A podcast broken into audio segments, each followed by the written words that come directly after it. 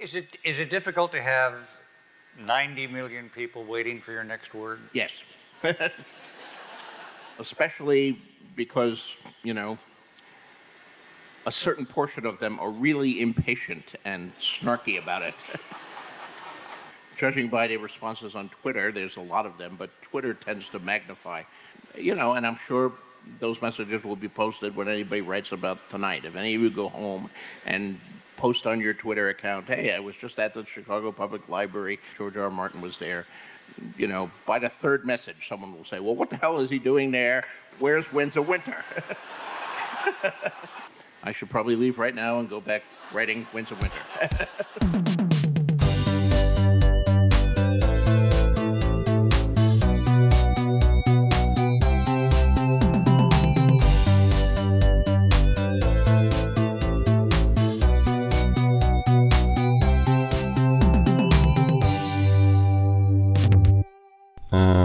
är det faktiskt 21 augusti när vi spelar in det här och vi vill hälsa alla lyssnare hjärtligt välkomna tillbaka efter sommaruppehållet.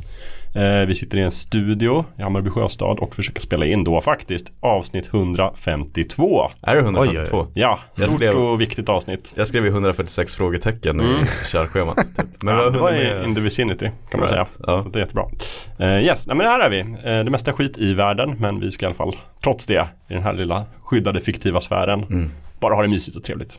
Vi är som den där eh, ljusglimten, lampan i Mm. Sagan om ringen. Eh, nej men du vet den som de får av uh, Galadriel. Eh, Som man ja, ja, som i- de kan ha i flaskan där eller vad Ja, är. han, Mm. man skakar lite och så Just blir det, det typ som är av- så bra mot spindeln. Precis. Mm. Ja. Precis. Spindeln är världen och vi är den där alvgåvan. Så kan man verkligen uttrycka det. Bra. Din alvgåva i, I, jätten. eh, Mm. i världsmörkret. Precis. Rösterna är de gamla vanliga. Det är jag, Jakob Bäck. Allt det här. Och sen har vi Andreas Lövet Eklöv och Gustav Gustav Ja. Gurkan. Gurkan. Ja. Ja, Gurra. Gurra, Gurkan. Kärt barn har många namn. Ja. Det, det var ju Jocke Benett som började kalla mig för Gurkan. Ha- och jag tänker det, han är väl våran Galadriel då? Ja, det måste han vara. Eftersom att han, eh, Det var ju han som gav oss våra gåvor här på våran färd. precis. Precis. Um, Shoutout till honom förresten. Han ska ju starta, han byter ju karriär nu. Ja, visst, han reser västerut. Han reser västerut På det eh, sista halvskeppet. till odödliga. Låter, låter så uh, slutgiltigt. Mm. Ja. Jag vet inte, han, ja, precis, han ska börja plugga, Mm. den gamle gode Ja. Joakim. Tror ni det blir mer eller mindre sannolikt att vi kan få in honom i podden då? Förhoppningsvis mer. Ja. Man blir ju lite mera, vi har använt begreppet loosey-goosey här tidigare Mm. innan vi startar inspelningen. Studenter är ju per definition lite mera loosey-goosey Mm. än eh, andra människor. Ja. Så säkert, det jag, vore jag, skitkul. jag kan tänka mig att hans studier kan motivera honom till att vara med på diverse ämnen som Mm. även en del av studierna. Mm. Ja. Nej men för er som inte har koll på, på honom så är han ju lite av en legendar i den svenska spelmediebranschen. Mm. Eh, Precis. Och, och tillika då grundare av den här podden. Ja, podden, säga, exakt. Som ju, som ju bildades en gång i första åldern när vi Ja. alla jobbade på Geeks. Mm. Ja.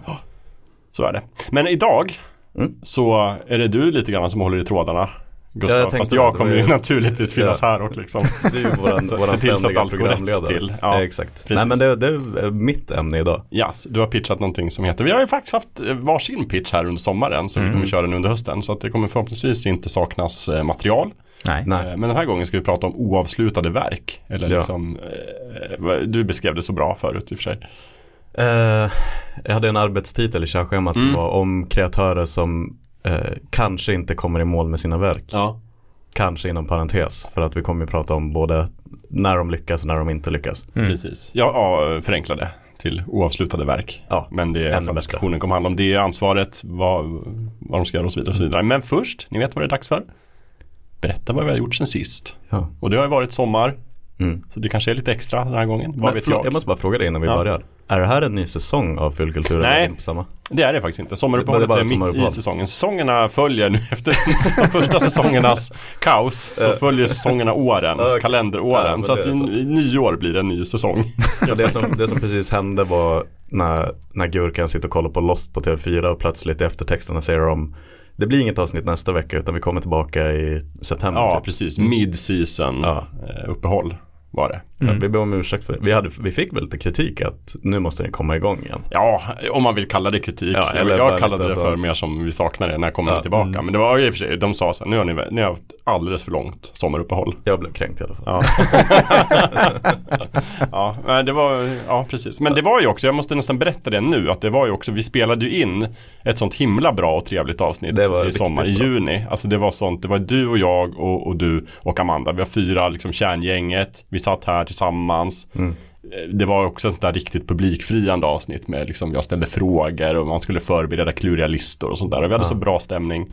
Ehm, och så tänkte vi det här blir verkligen en sommarpresent till alla lyssnarna. Eh, och sen så sabbade ju någon tekniken. Ja, så att allt spelades bara in på min mick så att jag hördes jätte, jättebra. Jag tänkte att ingen vill lyssna på liksom bara mig i en konversation med fyra personer. eh, så det kunde vi inte släppa det avsnittet. Så det kommer för alltid vara den här liksom förlorade, legendariska, mm. alltså den okända Beach Boys skivan som var så himla bra som ingen någonsin har fått höra. Eller Tenacious D Tribute. Ja, Vi, vi hänvisar till det där fantastiska avsnittet som verkligen. ingen annan än vi har upplevt. Just det, och det betyder också, fast det är på sätt och vis bra för oss, för att det betyder också att om det är någonting som vi sen liksom har lovat eller som någon kommer och frågar, vadå ni skulle göra det här och det här har ni sagt tusen gånger. Då kan vi bara säga, ja men vi hade ju det i det där avsnittet som Exakt. aldrig blev. det, ni fick det men ni fick det, allt som eh, ni väntar på, det har varit där. Men det är sant, vi pratar ju väldigt mycket om eh, Toy, alltså när Toy Story höll på att brinna upp. När, när servrarna kraschade. Just det, Mm. i våra Pixar-avsnitt. Ja. Mm. Att eh, nu hände det fast det var ingen partner som hade den sparad lokalt liksom. Så att det gick att Nej. ladda. Nej. Exakt. Ibland blir det så. Mm, det är lite precis. sliding doors. Men, men jag har arkiverat det avsnittet och någonstans tänker jag när liksom AI-utvecklingen fortsätter om typ får- 25 år så kanske en AI kan gå in och liksom styra upp där och liksom sluta sig till vad ni sa. Man hör liksom lövets mummel långt i fjärran så bara det här kan jag återskapa och Men göra. kanske Det är bara så här, mum, mum, mum, JPG, mum, Ja, mum, precis. Firefly. För de riktiga så hardcore fansen så släpper vi alltid någon sån jubileumsutgåva. Ja. Här är det här avsnittet. Exakt, Make with it Mm. vad ni vill liksom. precis. Så. Och då kommer folk lyssna och bara, "Ha, det var inte så bra. ja, så är det i alla fall. Men eh, hur som helst då. Eh, Efter mittensäsongsuppehållet, sommaren kallar vi det, så är vi tillbaka nu för en höst och den kommer bli fullmatad och idag kommer vi prata om verk. Eh, Men jag vill veta vad ni har gjort sen sist då. Och då, alltså efter det här avsnittet som inte blev av. Ja. Men under sommaren. Mm. Om ni Mm. har något. Om ni kanske inte gjort någonting, vad vet jag?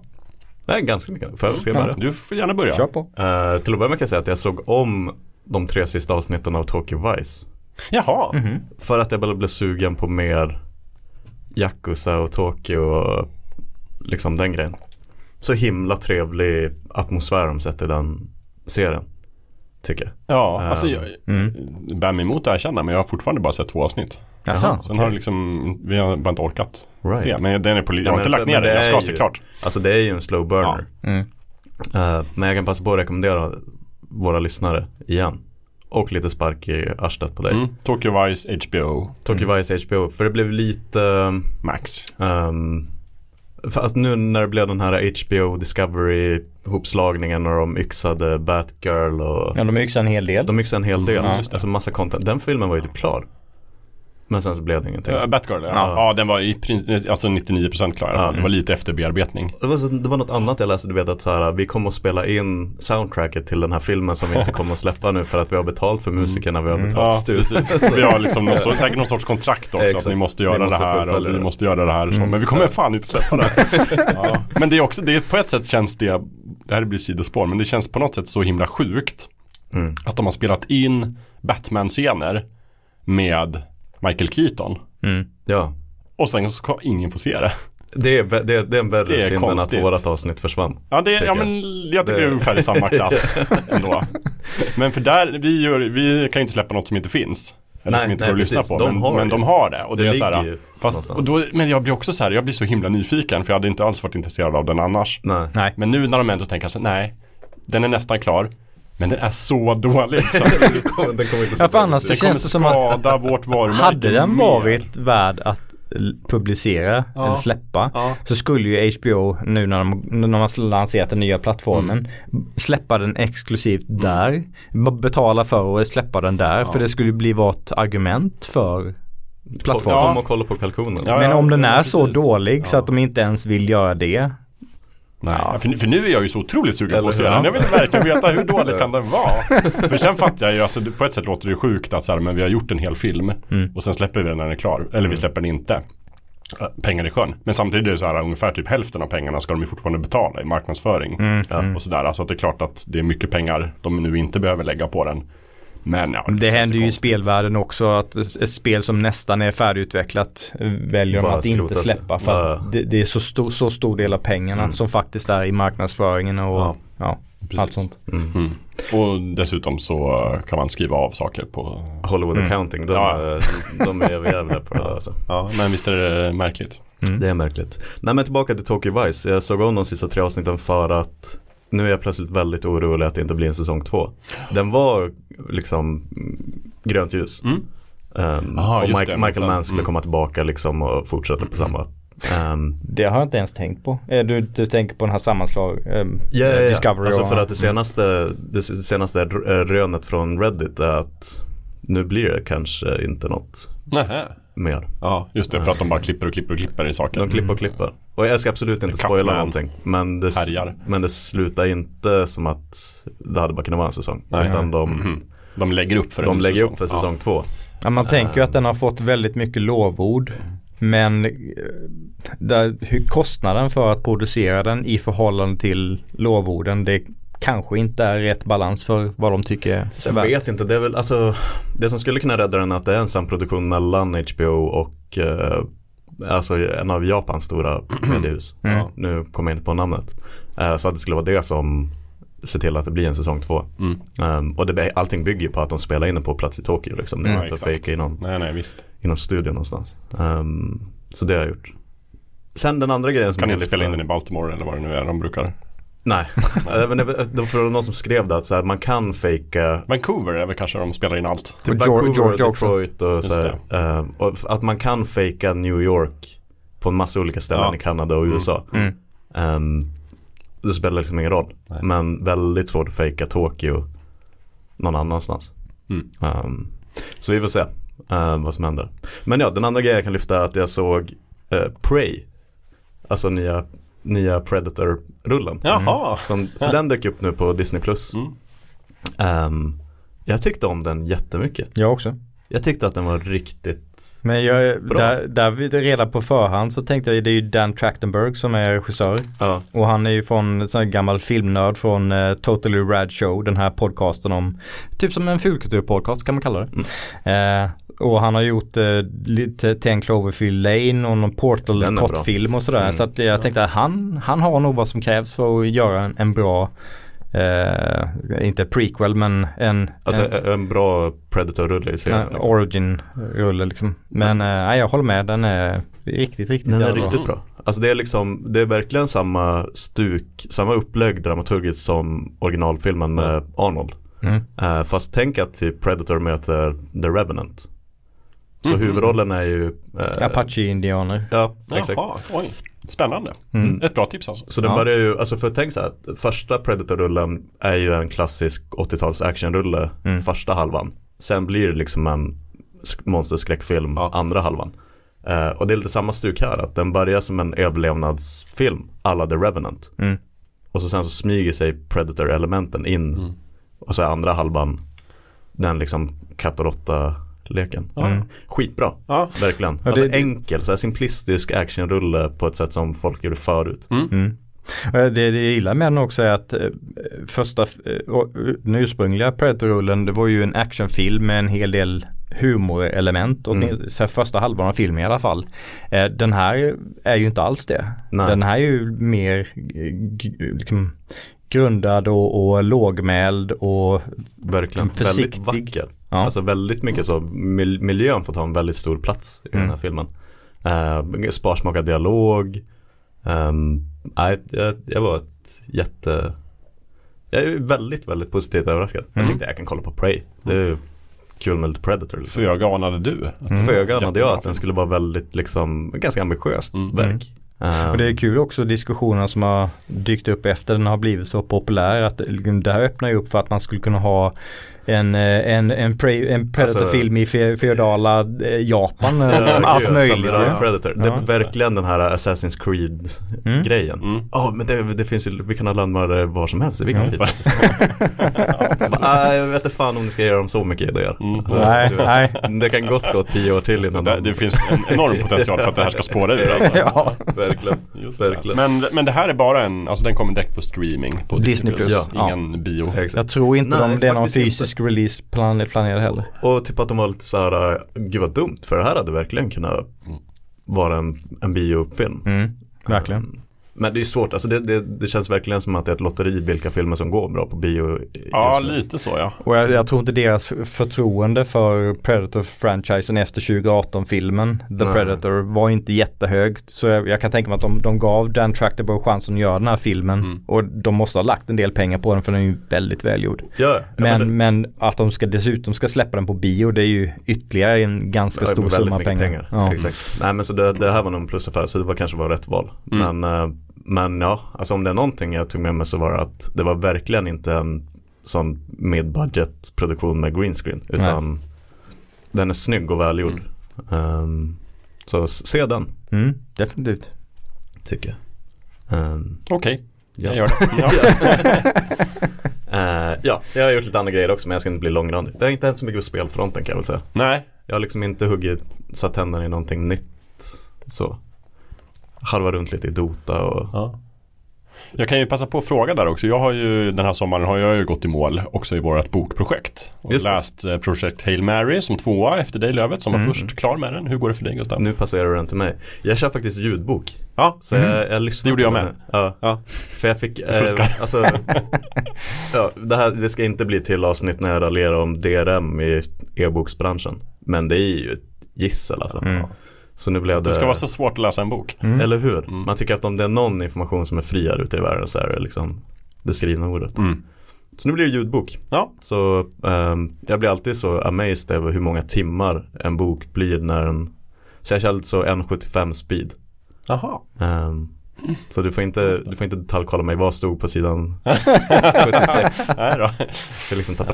Ja men det har inte jag heller för jag körde också som sagt ljudbok. Men, men du är ju igång i alla fall. Ja, Vad fint. Då... han är medryckande eh, måste jag säga Alltså han skriver, jag får lite Ja. sådana typ Dan Brown-vibbar Ja med, Mm. alltså, Alltså, det är ju, popcorn. vi ska inte gå händelserna i förväg Nej, men nej. den är, det är ju verkligen så här ganska lätt, eh, Ja, lättsmält litteratur. På, när, på ett bra sätt tycker när jag. vi tar det där avsnittet om den så skulle det vara intressant att veta hur upplevelsen av att lyssna på boken skiljer sig Mm. från att läsa den. jag har ju läst den Det och jag verkligen tyckte också den var medryckande men eh, kanske på ett lite annorlunda sätt. Mm. Kan jag Du tänka. läste den dessutom på svenska. Ja, det gjorde jag. Ja men det, det, är ju bland annat det vi ska prata om i det här avsnittet som vi eh, utlovat sedan länge och till våra lyssnare kan jag bara säga att vi är på gång med boken här. Det kommer Ja. någon gång under hösten. Mm. Säger Ja. vi. Och det blir bara ett avsnitt att vi pratar om boken men vi kommer kanske skicka ut någon sorts liten enkät. ja bjuda in lyssnarnas Ja. eh, åsikter Exakt, Mm. så läs Så som upp det vi- i avsnittet. Så det blir Ja. jättebra. Ja, Just det. ja men vi, vi är snart i mål med det där Fint. Mm. Eh, vad har du ägnat sommaren åt? Eh, mycket. Många tv-serier, några filmer och eh, en, en hel del spel faktiskt. Jag har kommit igång med backlog-bearbetandet. Ehm, eh, ett av de tidiga spel som jag körde igenom var Ghostwire Tokyo. Som jag har Ja, pratat Okej, mycket om. Eh, så, så när jag avslutat eh, det Ascent så tänkte jag, men vilket, vilket spel ska jag köra nu? Ja men jag, jag ska kicka igång med Ghostwire Tokyo. Mm. Eh, och jag, jag tänkte eftersom Eftersom det, det spelet slutade med slutade som ett spel som jag inte trodde att det skulle vara. Jag trodde att det skulle vara ett skräckspel mer i, som utspelar sig i Tokyo. Men det är ju mer ett, ett actionspel i, som utspelar sig i en spöklik demonfylld värld. Så men det, det, det, det, det är mer actionspel. Klar och tydlig distinktion. Ständigt Ja. dessa genrer Nej men eh, så, så det, det, det var ju inte så mycket fokus på eh, skräck eller så tryckt stämning och, eh, och inte så mycket, jättemycket fokus på handlingen. Så, inte, Mera stridssystemet som står i Ja, sen. ja. Ja. och utforska eh, Tokyo, eh, staden där. Så, och jag, så jag tänkte det här känns ju inte riktigt som min typ av upplevelse egentligen. Jag är ju väldigt storyfokuserad och, och stämningsfokuserad. Eh, men jag hade jättekul med det. Mhm. Jag bara åka och sippa runt i den här sta, staden och eh, frigöra själar och eh, hitta olika, eh, låsa upp olika sådana här portar och eh, la Mm. 30 timmar på det. Eh, vilket jag inte trodde i början. Ehm, så, eh, så det kan jag varmt rekommendera. Det är faktiskt väldigt, väldigt bra. Nu är det digitalt i och för sig, men är det, är det Tokyo Tokyo eller är det Vancouver Tokyo? Hur mycket, hur Uh, mycket spelar staden en, en roll i spelet? Ja, alltså staden spelar ju en väldigt stor roll men det är ju inte så att de har återskapat Tokyo 1 i 1. Nej. Eh, det kan man inte förvänta sig. Definitivt inte. Men eh, väldigt, väldigt snyggt eh, liksom designmässigt och, och spelmekaniskt eh, väldigt roligt och sådär. Mm. Bra stämning. Eh, så att eh, det kan jag varmt rekommendera. Gud vilken konstig story det där spelet har ändå. Eh, med hur det kom till och när det dök upp på E3 och sånt där. Mm. Så det Hur kom det till så- och när dök det upp på E E3? Eh, Det dök upp på E3 ett av när jag täckte det på FZ. Mm. Och då dök ju hon upp som var projektledare. Ikumi Nakamura. va? Exakt. Ja. Och pitchade och alla var så wow, vad fan är Ghostwire Tokyo? Jaha, Mm. Sen plötsligt var ju hon eh, borta från projektet. Jaha. Mm. Efter, Ehm. efter man inte har hört någonting om det på ett tag. Nej, det var ju verkligen en sån E3-darling. Mm. Typ att inte så bortskämda med nya liksom IPn som Nej, nej. Och sen bara vart det tyst eller? Så blev det tyst. Jaha, oj. Och nu Mm. är det, har det dykt upp? Nu har det dykt upp. Okej. Ja. Lite så efter, efter lagom mycket om och men. Ehm, så kul att du tyckte om det. Mm. Eh, och sen har jag spelat eh, Xenoblade, eller jag håller på att spela Xenoblade Chronicles 3 På Nintendo Eh, Switch. på Nintendo Switch. Eh, och där, där blev jag också glatt överraskad för första spelet är väldigt bra. Andra spelet blir bra mot slutet men har en väldigt svag inledning. Och det, ska, det är jobbigt för dig eftersom att du kommer till slutet efter typ 140 timmar. Ja, 200 timmar är det. Fan, jag tyckte jag tog i. Eh, eh, men det är så här, jättesvag inledning, karaktärerna är inte jätteintressanta. Så eh, när jag har spelat typ 20-30 timmar så funderar jag på, ska jag verkligen köra klart här? Men sen, sen blir det mycket bättre mot slutet. Tvåan fick lite kritik för att det var ganska blajigt. Lite så. Mm. Typ karaktärsgalleriet var lite så. Ja. Töntar. Ja, jo men det, det var lite så, det lite, lite, lite väl lättsamt så. Ja. Men, men trean kommer tillbaka till lite mer, lite allvarligare berättelse, li- lite mer minnesvärda karaktärer, jättefin spelvärld, det flyter förvånansvärt bra på Switch Mm. med tanke på hur bra det ändå ser ut. Ja. Eh, och um, massvis att göra eh, utan att handlingen, man tappar fokus på handlingen. Mm. Så eh, jag är ungefär 77 timmar in i det tror jag. Tutorial Eh. klar. Exakt.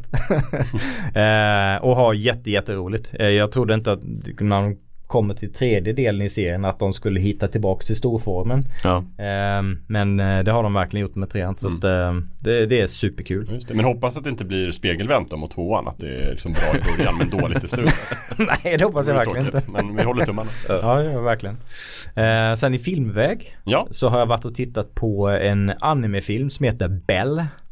Eh, på, på bio Mhm. faktiskt. Namnet eller klock, klocka liksom. Eh, namnet Bell, E B-E-L-L-E. Ja, Bra. som hon i. Skönheten. Jag tycker om när vi gör det tydligt för lyssnarna ja, vad, vi, vad vi pratar om. Precis. Och den där eh, skönhet och orätt-referensen den är inte helt o... Aha, det är till lite, bygger filmen. på en gammal folksaga. Nej men det, den bygger inte på det men Nähä. eh, det finns...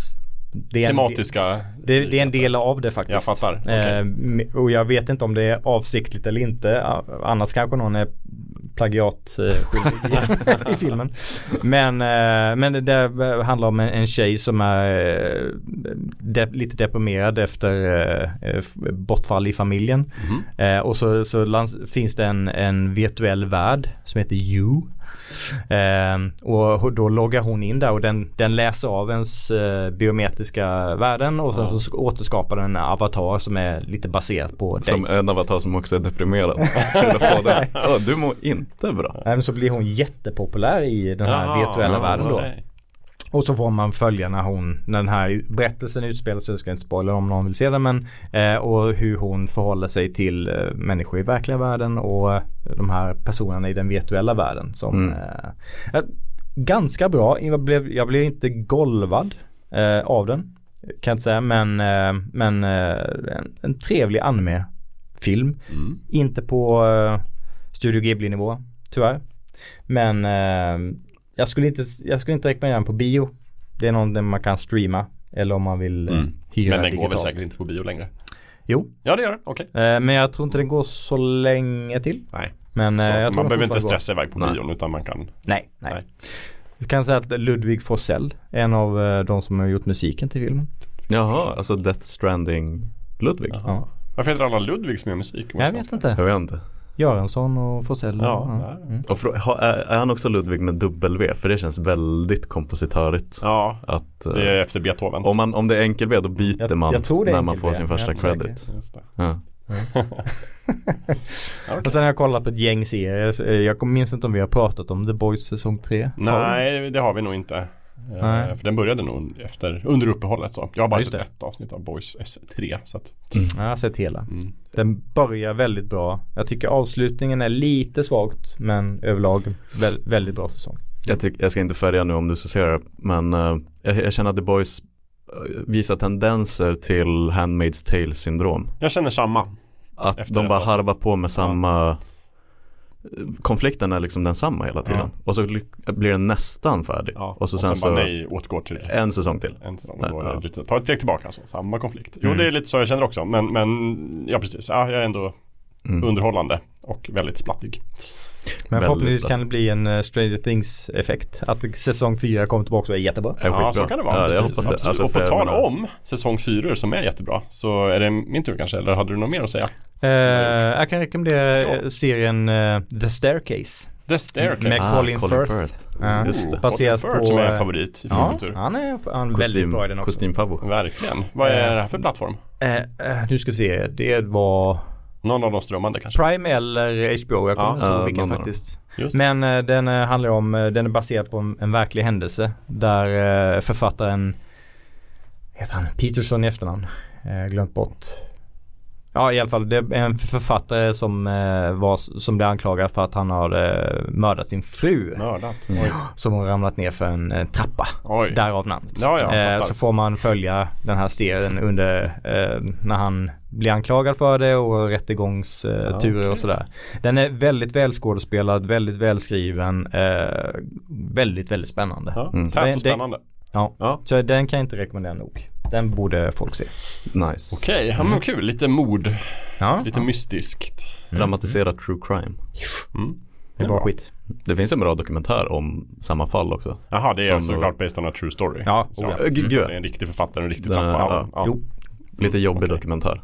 Uh, jobbig serie också. Ja, alltså det är, man, man kastas lite fram och tillbaka. Vad, vad tror jag egentligen om det här? Mm. Det, och Som så- man ska göra i varje bra. Ja, ja, ja, ja, visst. Men den där dokumentären har jag inte sett. Nej, nej men den är, den är bra. Vi lägger ju upp allt sånt här för Ja, nytillkomna ja, ja. lyssnare så lägger vi upp allt sånt här på länklistan eh, på nätet. Mm. Så att där kommer man också kunna se vart den här serien finns. Om det är HBO då kommer det stå HBO Max. Ja, Eller Men jag blev jättespänd nu. Säsong fyra av vad? Eh, jo, jo, Jag lämnar okej. över till dig. Jo, nej, men Ja. jag hade tänkt så här att jag skulle beta av alla serier som ligger och väntar. Typ så här Tokyo Vice, jag ska se klart Mm. den den här sommaren och sådär. Det har jag inte alls hunnit. För det börjar ju en massa nya säsonger hela tiden på sommaren. Ja, det är jobbigt. Så att jag, jag håller lite på den där säsong 4 men jag har sett då säsong 3 på For All Mankind Mm. Som har pågått nu, rullat på Det är Ja. 90-tal och de ska åka till Mars Det fortsätter att vara så här rymden eh, Bra Men också lite sån här att jag känner att Jag önskar att de fokuserade mer på själva rymden Det har varit lite tycker jag dramatiserat som Mm. många serier ofta blir framåt Ja. säsong 3 Att här, dels är det liksom samma personer som har hängt med sen säsong 1 och då måste de hela tiden hitta på nya problem och nya utmaningar och sådär. Det blir lite krystat. Mm. Och sen är det också lite sådär, jaha. Eh, ska ryssarna och privata bolag och NASA alla komma till Mars samtidigt bara för att det ska bli spännande. Det blir så här lite, lite, lite. eh, Lite sökt Lite kanske. sökt, Mm. exakt. Men överlag bra. Och sen tycker jag ändå att kostymerna är lite billiga. Så Jaha. ibland, alltså det är en, uppenbart en väldigt påkostad serie. Men jag tycker den ser lite billig ut. Men har, har det här skett sedan starten eller är det någonting som har... Ja, jag har nog alltid tyckt att det, vissa grejer ser lite billiga ut. Ja. Men nu är det ju så här, skådespelarna är ju så gamla som att de har liksom, det är folk Kinnaman är typ 50. Kinnaman ska ju Ja. vara liksom 50-56 år Mm. och är egentligen för gammal för rymden.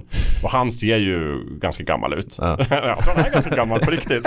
Men många andra är mycket yngre men ska fortfarande vara så här. Och då blir det så här liksom peruker med grå hår och lite Mm. sådär. Det, bara, Right. det ser inte dåligt ut men det ser heller inte så här fantastiskt bra ut. Nej. Ehm, men nej, nej, men ändå väldigt spännande och bra och intressant serie. Mm. Så den har jag sett. Sen så, så var det ju säsong två av Trying då, en annan Apple TV Plus-serie. Den här Mhm. Feel Good Mys-serien som jag brukar tipsa om. Eh, brittisk, om ett par som försöker adoptera barn. Just det. Eh, och nu i säsong tre, den fortsätter att vara supermysig, men nästan lite för mysig. Och i- nu i säsong tre så har de ju barn då som de har adopterat. Två stycken och försöker hålla koll på. Och då kan jag bara konstatera att man ska inte göra tv-serier på barn. som, det låter som Prison Break Ja. också. Den, den serien tar liksom slut när de kommer ut ur Ja. finkan. Ja, Det- visst. Ja, men det är lite Om man gör en serie om Ja. ett par som försöker skaffa barn. Jag det måste ju vara är slut. liksom- Visst, visst. Men och det är också så här, det är så orealistiskt. Man kan inte göra en tv-serie där man realistiskt visar hur det är att ha barn, vet jag som har barn. För Ja, det, det går inte att göra Ja. något, alltså de kan inte sitta i köket och prata om sina problem i varje avsnitt som de gör i serien, för de har ju barn. Det Ja. går inte. Var är barnen? Frågar jag hela tiden. det här håller inte och de kan liksom inte dra iväg från jobbet när något tokigt händer Ja. med sin kompis nere på stan. För att vem ska hämta barnet? Ja, så, så säger jag hela tiden. Så nu du faller lite offer nu för alltså när jazzcommunityn skrek när Whiplash kom för att sådär funkar det inte Ja, alls. lite Och sådär. typ Black lite Swan så. Men det tycker jag alltid så fort det är någon som har barn. Det är liksom såhär. Ja. det- Orealistiskt. Ja, men det går heller alltså. inte att visa. Det blir ingen kul serie. Man bara ser två personer som inte fått, inte fått sova på liksom åtta veckor. Det faller in i det där, uh, varför ser man aldrig toalettbesök i film och tv? acceptable breaks from reality Ja. kallar vi det för. Men ja, i alla fall. Men sen, säsong fyra av Westworld har ju börjat och Du jag är väl en av de få som är kvar och kollar på Westworld. eh, säsong tre var ju kanske lite trevande, tyckte väl många. Jag tyckte den var mysig, men förstod inte riktigt vart den är på väg. Säsong fyra är fantastiskt bra. Va? Oerhört tät, oerhört välgjord, väldigt spännande. Eh, superbra tycker jag. Okej. Alltså stark eh, säsong. Ja. De tog tillbaka den. Jag tycker nu är väldigt intresserad av att se vart den är på väg eh, i femte och sista säsongen. Helvete Jakob, nu Så måste jag ju... och den är lite mer, alltså, det är ju, jag kan tycka att de som tyckte att det var kul med en westernserie i Ja. säsong ett inte kommer liksom det här är mera som alltså Westworld-världen blandat med liksom Matrix och Battlestar Galactica typ. Okej. Men jävligt välgjort. Ja. Så att eh, rekommendera faktiskt. Om man Kan man den. hoppa över säsong två och Men jag tycker man kan kolla på någon sorts ganska detaljerad sammanfattning Mm. på YouTube av säsong 3 om man verkligen inte vill se den. Ehm, så det var väldigt, de byggde väldigt mycket upp till den här säsongen visar Mm. det sig nu tycker jag. Men, ja, men, Ja, Jag såg i första säsongen och sen, jag tror ett eller två avsnitt in på säsong två så nej. Jaha, ja du ska nog se säsong 2 då det händer ganska viktiga grejer. Men, Ah, okej. Mm. ja, men du kan också se en stor eh, sammanfattning. Mm. Vi kan länka någon bra. I, Typ Alt Shift X är ju ja, klockrena. Ja, precis. Men uh, vad kul och att... Pete Pepper gör ju också på YouTube. Ganska Just bra. De här hostarna. Men vad kul att du säger det Jakob, för när jag satt på tåget från Skellefteå till Stockholm Mm. ehm, så kollade jag faktiskt, jag trillade in på alla Anthony Hopkins scener Ja, från säsong 1 och Ja. 2 och blev golvad över hur mycket jag tycker om Alltså jag tycker att säsong 1 av Westworld Mm. är fantastisk Ja. tv. Man saknar ju Anthony Hopkins. Mm, ja. Ju. Fast men det fick mig också inse liksom att även om det blev lite ett skifte från Mm. säsong 1 och 2 till det vi har nu ehm, så inser man också att de lägger väldigt mycket grunden för säsong 3 och 4 och 5 Ja. i de första. Ja, jo men det är uppenbart Alltså att de har haft det en, liksom- en ganska lång story Ja. som de försöker berätta. Precis. Men, Men ja, ja precis. ehm, ja men okej, de, ja jag kanske måste. Jag såg första halvan av första avsnittet på säsong 4. Ja. ja, men jag tycker man ska ge den en chans Mm. eh, ändå. Kul, Eh, okej då är jag övertygad. Så det är väl det, det är väl det tv-serierna egentligen jag tar upp nu. Så jag, en film har jag sett också faktiskt. Jag kollar på Ghostbusters Afterlife nu. Mhm. Hemma på, i sommarstugan hyrde, kollade på. Okej. Mm. Bra. Jag tyckte inte om den. Nähä. Inte alls. Alltså jag tyckte eller- den var helt onödig och jättedum och harmlös och bara såhär, varför har ni gjort det här? Den gav mig ingenting nästan. Okej. Mild irritation.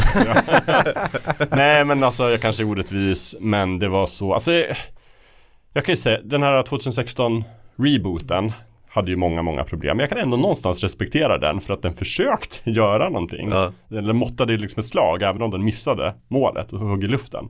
Men det här tycker jag ändå var så här, den är så försiktigt gjord att det är bara så uppenbart att det här eh, Alltså det tar typ åtta sekunder innan man ser liksom det första spökfällan. Ja, Det, är lite så här, ah, det känns som en liksom fanfiction fortsättning tyckte jag. Mm. Förlåt om jag spoilar något men jag ska inte berätta om handlingen. Men, Nej, nej. men bara så och sen så tyckte jag barnskådespelarna dåliga. Eh, så här, om, om det händer spökerier i huset och någon person uttryckligen inte tror på spöken. Så tycker jag ändå att man ska liksom, som skådespelare visa någon sorts reaktion Mm. om saker börjar flyga och det kommer spöken. Eh, det tycker jag är en brist. Jaha, det kan man tycka. och sen så det här med att de här gamla gänget ska tillbaka. Det tyckte jag också var så otroligt sökt. Ja. Och de ser så trötta ut. Och, och, fast samtidigt så, vad kul att vara i de här gamla Ghostbusters-kostymerna igen. och så liksom det är så himla mycket, sluta förolämpa mig med den här skiten. Tänk, kände jag. Och sen så gick jag väl av mig, arg, i vredesmod. Jag måste erkänna att jag, nu har jag inte sett den. Men jag kan tänka mig att vi var lite väl snälla mot den i vårat Ghostbusters avsnitt. Att, att det var lite väl så, det här kan bli Ja, jag vet inte. Alltså jag kände nog jag kommer inte ihåg vad jag sa där, men jag, var, jag tro- trodde nog att den skulle vara ändå liksom lite matigare än det här. Så Mm. har du sett den David? Nej, jag har skaffat den på Blu-ray men jag har inte hunnit se den Då har jag förstört era förväntningar på den här alltså. Ja. Nej. Nej, men jag kan göra fel. Den kan vara jättebra, såklart. Eh, men jag tyckte bara att den var dum och meningslöst och lam. Och gjorde, alltså som en, det var fanfiction, det är det snällaste jag kan säga om den. Mm. Eh, och också att de lägger in så otroligt mycket så här f- hjärta i den. Det låter fel men liksom den första Ghostbusters var ju inte liksom en feel film så. Den var ju lite Nej. rå. Den Lite, är rå. sådär. alltså Mm. lite, Det är en, en film kanske för vuxna som barn gillar. exakt. Och det här kändes som en barnfilm. Mm. Okej. Väldigt mycket som en barnfilm. Eh, så att, nej. Första Ghostbusters är väldigt, väldigt mycket, det flyger över huvudet på barnen som Mm. skrattar åt specialeffekterna. Mm, mm.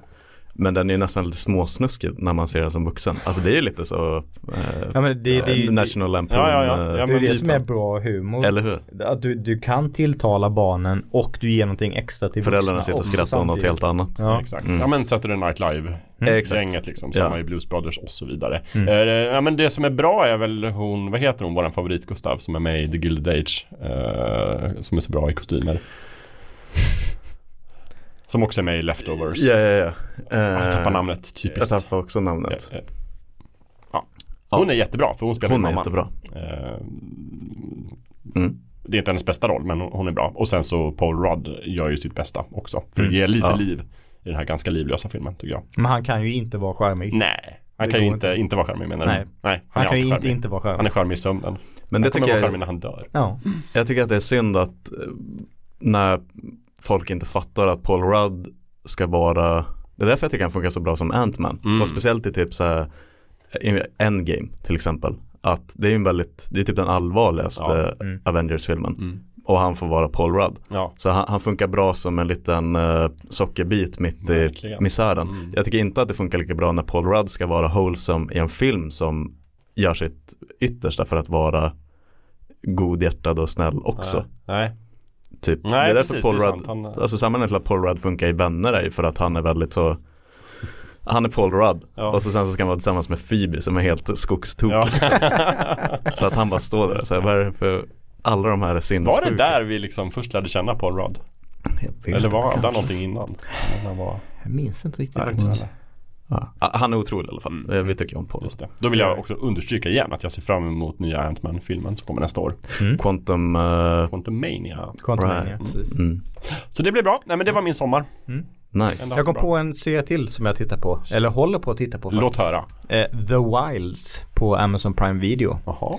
Eh, handlar om ett gäng, eh, första säsongen handlar om ett gäng eh, tjejer Mm. som ska skickas till en retreat. Eh, för att de, eh, ja, de ska lära sig hantera livet bättre. Sen så kraschar deras plan och Mm. de hamnar på en ö. Och så ska de lyckas samarbeta trots sina eh, meningsskiljaktigheter att de är lite olika personlighetstyper. Eh, och sen så kommer säsong två så eh, sker en förveckling i eh, dramatiken. Eh, men jag tycker eh, den är förvånas. Det är, det är en, en dramaserie om eh, olika person, personligheter som ska överleva tillsammans. Mm. Och så här, första avsnitten, för jag tittar på den med föräldrarna, tänkte att ah, så här, tonårs eh, tonårstjejs drama eh, är väl för, för en cyniker som jag är kanske inte riktigt min kopp te. Men den, den växte hela tiden och eh, mot slutet av säsongen så tyckte om den riktigt bra. Och de, de, de lyckas driva fram handlingen eh, för de, de par, berättar parallella eh, Mm. händelser under säsong två. Och de lyckas driva fram handlingen på ett väldigt bra sätt och he hela tiden hålla det intressant. Mm.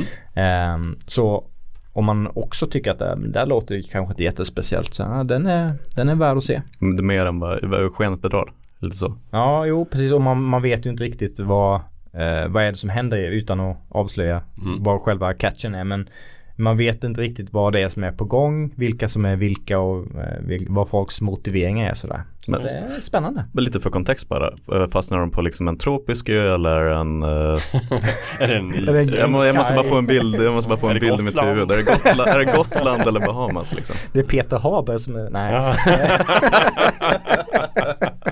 Eh, nej det är en, eh, det är en, en tropisk ö. Eh, Ja, det. låter lite som vuxenvarianten av alla sommarlovsmorgon sådana Ja, ty- tyska australienska samproduktioner jag någonsin ja, sett. Verkligen. Ja. Nej, inga, inga spår av det i den här Right. Det hade, nu måste ju någon göra en serie där Pet, Peter Haber och ett gäng tonårstjejer fastnar på, fastnar på Gotland. De måste komma överens en hel sommar. Svensk filmindustri Ja, tolkar om ni lyssnar nu, Kan, de göra, kan de göra Göta kanal 4 så kan de väl göra det. Ja, skjut pengar till den. Okej, eh, är vi redo för att liksom ta oss an huvudämnet i dagens avsnitt? Det Ja, tycker jag. Då lämnar jag Verkligen. facklan till dig Gustav så får du förklara dig här. Ja. Eh, oavslutade verk, Var kommer det ifrån? var kommer det ifrån? Eh, författare som inte skärper till sig, vad, händer, vad handlar det om? Vad handlar det om? Ehm, Hur fick du vi idén? kommer faktiskt att, alltså eh, eh, lite ovanligt för fullkultur men det kommer bli ganska liksom boktung utgångspunkt i alla fall. Vi är väldigt duktiga på att snacka tv liksom. Mm. Och ibland så känner vi kanske att böcker får lite förpassas till fotnätterna. Ja, Mm. få igen.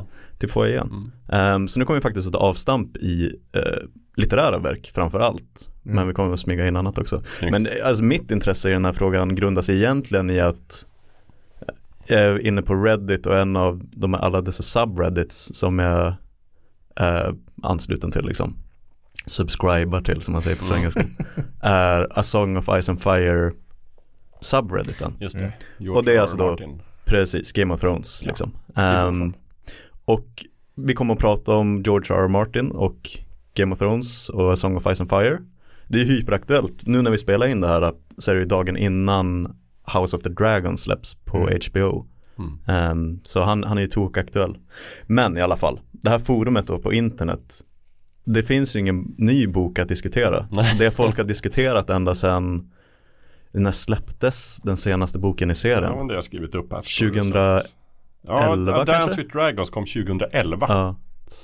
Och sen dess har det inte kommit något mer. Nej, Men det då- ska ju komma två böcker till. Ja. Eh, och ja, alltså så det här forumet är ju bara folk som har varit med sedan starten på 90-talet, många Mm. av dem. Och diskussionen är ju bara när, när kommer bokjäveln? alltså det, han har ju lovat, sen 2011 har han ju sagt att ja men nästa år, då är den klar. Sorry för att ni fick vänta. Och så sen så kom det säsong efter säsong Mm. av Game of Thrones. Och det här har vi pratat om tidigare, folk vet ju vad som hände där. De fick slut på bokmaterial efter säsong 4 typ. Mm. Och så sen så var DB Wise gänget tvungna att hitta på själva Ja. och det blev väl Med varierande resultat. Med varierande säga ändå. resultat. Vi har haft fyllt avsnitt av Ja. denna Ja. serie. Eh, Bara en liten avstickare. eh, Jag som inte har följt det lika, lika bra. Mm. Har, har George R. R. Martin pratat någonting om eh, hur tung input han har haft från det han har tänkt att göra med de andra böckerna till det de hittade på själva i 5, 6, 7, 8? Ja men precis, det här, och det, det, verkligen, det här är en, en aspekt som vi kommer att prata om som kommer att löpa genom avsnittet, hur man förvaltar material. Um, enligt honom nu, det är som att han har blivit mera kritisk liksom eh, med åren sen Game of Thrones slutade. Eh, och det är väl också sådana kontraktsgrejer liksom. Mm. Eh, så det, han, det senaste som jag har sett i en intervju med mannen själv är att han var typ med fram till säsong 5 Mm. hade inte så mycket, men typ, eh, nu parafraserar jag, men att säsong 7 och 8 då var han out of the loop. Så att då hade han liksom ingen kreativ input. Och storyn är väl att han gav serieskaparna någon typ av outline Mm. för de, de stora händelserna. Mm. Men att vid det där laget så var det ju redan flera karaktärer i böckerna som inte eh, var gestaltade i serien eller så hade de redan dött men i böckerna så lever de. Eh, Så han har ju sagt mer och mer att det kommer inte att vara samma story jag berättar. Nej. Det var liksom ett slut men inte, inte nödvändigtvis mitt slut. Ehm, och eh, just det här mitt slut, det kommer vi att komma tillbaka till sen när vi ska snacka Jakobs, eh, Mm. en av hans favoriter. Ehm, men, men mycket av diskussionen och egentligen hur det här avsnittet spånades var att diskussionen på forum är väldigt mycket en skyldig oss som har följt med sedan 90-talet att avsluta den här bokserien eller ha- ha några obligations liksom. Mm. Eller är det okej ifall han aldrig blir klar? Ja. Hur arg får man bli? Och så sen så är det folk som käftar med varandra på internet. Alla väntar på nästa bok men varierande grad av, eh, vad säger man? Alltså entitlement på engelska. Berättigande. Ja, alltså hur berättigade är vi att få en, Ja. till, eh, en till bok Ja, liksom? det. Och det ska vi hitta någon sorts svar på eller? Vi ska hit, Ja. typ hitta något sorts svar på det. Ja, jag vet vad jag står i den Ja. frågan rent så här principiellt. Eh, och, och det är att jag tänker att det, det är hans grej liksom. Ja. Han kan, eh, jag har inte tänkt att hålla honom så här, kl- klappa honom och ge honom adrenalin när han är gammal för att så här, skriv, Nej, nej. för fan, skriv. Jag måste ha min bok. Ehm, och eh, ja, men vi kommer även att diskutera eh, liksom den varianten när folk inte hinner klart innan de eh, går där Trillar av pinn. Eh, exakt. Ja. Ehm, men ehm, jag tänkte att vi, tar, vi kan kicka igång diskussionen med just George R. R. Martin. ja, men om det är ur exemplet så är väl det jättebra. Ja. Eh, Jag kan bara ge lite kontext här och säga när böckerna kom och hur lång tid det varit mellan varje. Ja, men det kan För vara liksom, viktigt då. Det är ju en, två, tre, fyra, fem böcker nu då som det finns. Ja. Det väntas på två till innan serien är avslutad enligt då mannen själv. Eh, Och den första kom ju då, den heter ju Game of Thrones första delen. Den kom 1996. Det är Mm. ganska länge sedan. Då var jag två år gammal. Ja, sen, och redan då var du liksom inne på Reddit. Och, Ja. nästa. Innan Reddit fanns. Precis. Sen följer den upp då två år senare bara. Mm. Eh, bra tempo i början med A Clash of Kings 98. Två år senare, år 2000, A Storm of Swords. Eh, fem år senare, A Feast for Crowns. 2005. Mm. Då var det liksom lång tid. Sen så kom den här A Dance with Dragons, det är bok fyra. Nej, fem Mm. menar jag. Den kom 2011, det är samma år som Game of Thrones börjar på tv. Exakt. Och då har fansen alltså fått vänta sex år på den boken. Mm. Eh, och då den kommande boken kommer att heta The Winds of Winter och där är vi alltså uppe i över tio års väntan nu då på, Mm. på den. Eh, och då är det väl lite sådär att, att, tänker jag, att dels handlar det ju om vad han säger själv. Han Ja. har ju lovat liksom, och återkommande tycker jag att han har gått ut på sociala medier och lovat att boken kommer snart. Verkligen nästa år. Eh, och sen så kommer den inte. Det är väl det kan jag tänka mig som upprör fans. Han har ju till och med sagt saker som att om den inte släpps innan nio år för tre år sedan, Då då, får ni kedja äta fast mig Då äter jag liksom. upp min hatt. Då äter jag upp min hatt. Så han har ju kommit med sådana Ja. ultimatum liksom att Ja, jag förstår. Kedja Eh. fast honom vid hans DOS-dator. ja. Ja. Och en annan grej av det är väl just att de har gjort den här otroligt framgångsrika tv-serien under Mm. tiden. eh, Som har fått jättemycket uppmärksamhet och kanske tagit en del av hans tid Mm. också. ja. Det gör väl bokpuristerna arga kan jag tänka mig. Ja, sluta skriv manus till avsnitten. George. Exakt. Skriv din bok istället. Ja. Men det är väl också verkligen så här kärnfrågan, entitlement. Är det liksom, bestämmer fansen vad George ska skriva på eller inte? nej. Ja, jag är väl också av den anledningen att, äh, åsikten att han det är ju han som, eh, som chefar över sina kreativa verk. Mm. Och om han inte känner att han har nästa bok i sig riktigt än så är det upp till honom när, när han vill jobba på den, hur mycket han vill jobba på den, när han Mm. tycker att den är, den är klar och så vidare. Jag tycker väl snarare att den här frågan om tv-serien och de ändringarna de gör att det, kan, det kanske kan färga publiken så att när han väl släpper nästa bok och det inte är händelserna där inte Mhm. är de som folk känner till från tv-serien Ja. att folk kanske kritiserar boken för att den gör avstamp för från tv-serien. Vilket jag kan Pa- tänka mig. Paradoxalt Ja. nog. Ja. Nu, nu gick du ifrån källmaterialet liksom. Precis. Nej men det är precis som i eh, då en annan serie, Harry Potter. Mm. Att man då Mm. när man har sett filmerna så tycker man ju att karaktärerna i böckerna ser ut som filmskådespelarna. Exakt. Och när man då ser någonting som pekar emot det så blir man så här, "Ja, men det är inte på riktigt. Nej. Mm, precis. Så, så kan det hända. Men, men så, och jag ska säga så här, delen av kritiken som jag verkligen kan förstå är att det är inte att mannen har haft skrivkramp i tio års tid. För att det, det har väl folk förståelse för, Mm. att ibland så står det bara still för Ja. författare. Mm. Eh, och då får man behålla tummen att de liksom lyckas lösa det där på något vänster. Men det är ju som du säger, det är ju det att folk har reagerat på att han har varit med och skrivit manus Ja. till Game of Thrones. Eh, och han släpper ju också böcker liksom. Mm. Nu House of the Dragon som börjar imorgon Mm. bygger ju på boken Fire and Blood. Som Ja, man bara klämde ur sig som är någon typ av bara kronologi om hela det här Ja. Targaryen-släktet. Det. Så det är ju mera A Song of Ice and Fire, Mm. men det är ju inte det Just Folk det, vill inte ha spin-offs, och, liksom, och, liksom bygger på sin värld någonstans och skriver Ja. liksom eh, kompendier och liksom extra Han skriver Silmarillion liksom, istället ja. för att skriva Konungens återkomst det, på något sätt. precis. Ehm, Ja. Och eh, det, så det är väl det fansen reagerar på att kommer, han släpper liksom han har ju någon bokserie som heter Wild Cards där han skriver och Okej, så han gör allt så det kommer ju, det kommer ju material från Ja. honom så det, det står ju inte still Ja. i skrivarstugan. Men det som står still är ju förlösningen. Vad, hän, vad kommer hända med Jon Snow och alla karaktärer som jag följt sedan 90-talet? Liksom? Men så vet man ju inte hur, hur det står till rent kreativt. Han, han kanske, kanske inte är super kanske inte har varit superengagerad i Game of Thrones världen eller själv den huvudberättelsen. Att det har varit andra saker Nej. som engagerat honom under de här åren. Och man kan ju inte tvinga någon kreativ att nu ska du göra klart det här. Mm. För då kanske det inte blir så bra. Eller jag menar det är ju hans förläggares jobb. Mm. Och så har det alltid varit Ja. med förläggar-författar-relationen. Ja. Att det sitter någon som säger du måste, du måste släppa den här Ja. boken, vi vill bara ge dig pengar. Det är ju, berättas ju om Douglas Adams att han, han Mm. hade ju notoriskt dålig på deadlines och sådär och fruktansvärt skrivkramp hela tiden. Så där hans förläggare låste ju in honom på ett hotellrum liksom. Ja, nu, När det jä- nu jävlar skriver Nu ska du du skriva klart. Han fick liksom gå ut och motionera lite och sen Ja. fick han mat två gånger per dag. Men han skulle sitta här liksom. Ja, den du vet, promenerar runt med Ja, ja. fastkedjad i Precis. mitten som han bara läcker liksom. Ja. Ja, så att det är liksom, men just det är ju förläggarnas jobb någonstans att få fram en produkt. Ja. Eh, samtidigt är det svårt, man kan inte skriva, tvinga någon att skriva. Nej. Inte kan skriva. Nej. Eh, så att jag är väl lite så här mera kanske splittrad i det. Jag kan väl förstå, egentligen i grund och botten har ni ju rätt såklart. Man kan, det är alltid författaren Mm. som måste liksom berätta. Men jag kan tycka att han liksom gör det svårt för sig då, att han hela tiden går ut och säger så här, det är på gång, det är på gång, Eller det hur? kommer, det kommer, det går jättebra, nu är det inte mycket kvar. Mm. Eh, när det är det och jag tycker det är så uppenbart att han har svårt med den här boken. Mm. Eh, och jag förstår varför, därför att det är en väldigt komplicerad och komplex serie. Ja. Det verkar bli svårare och svårare att skriva.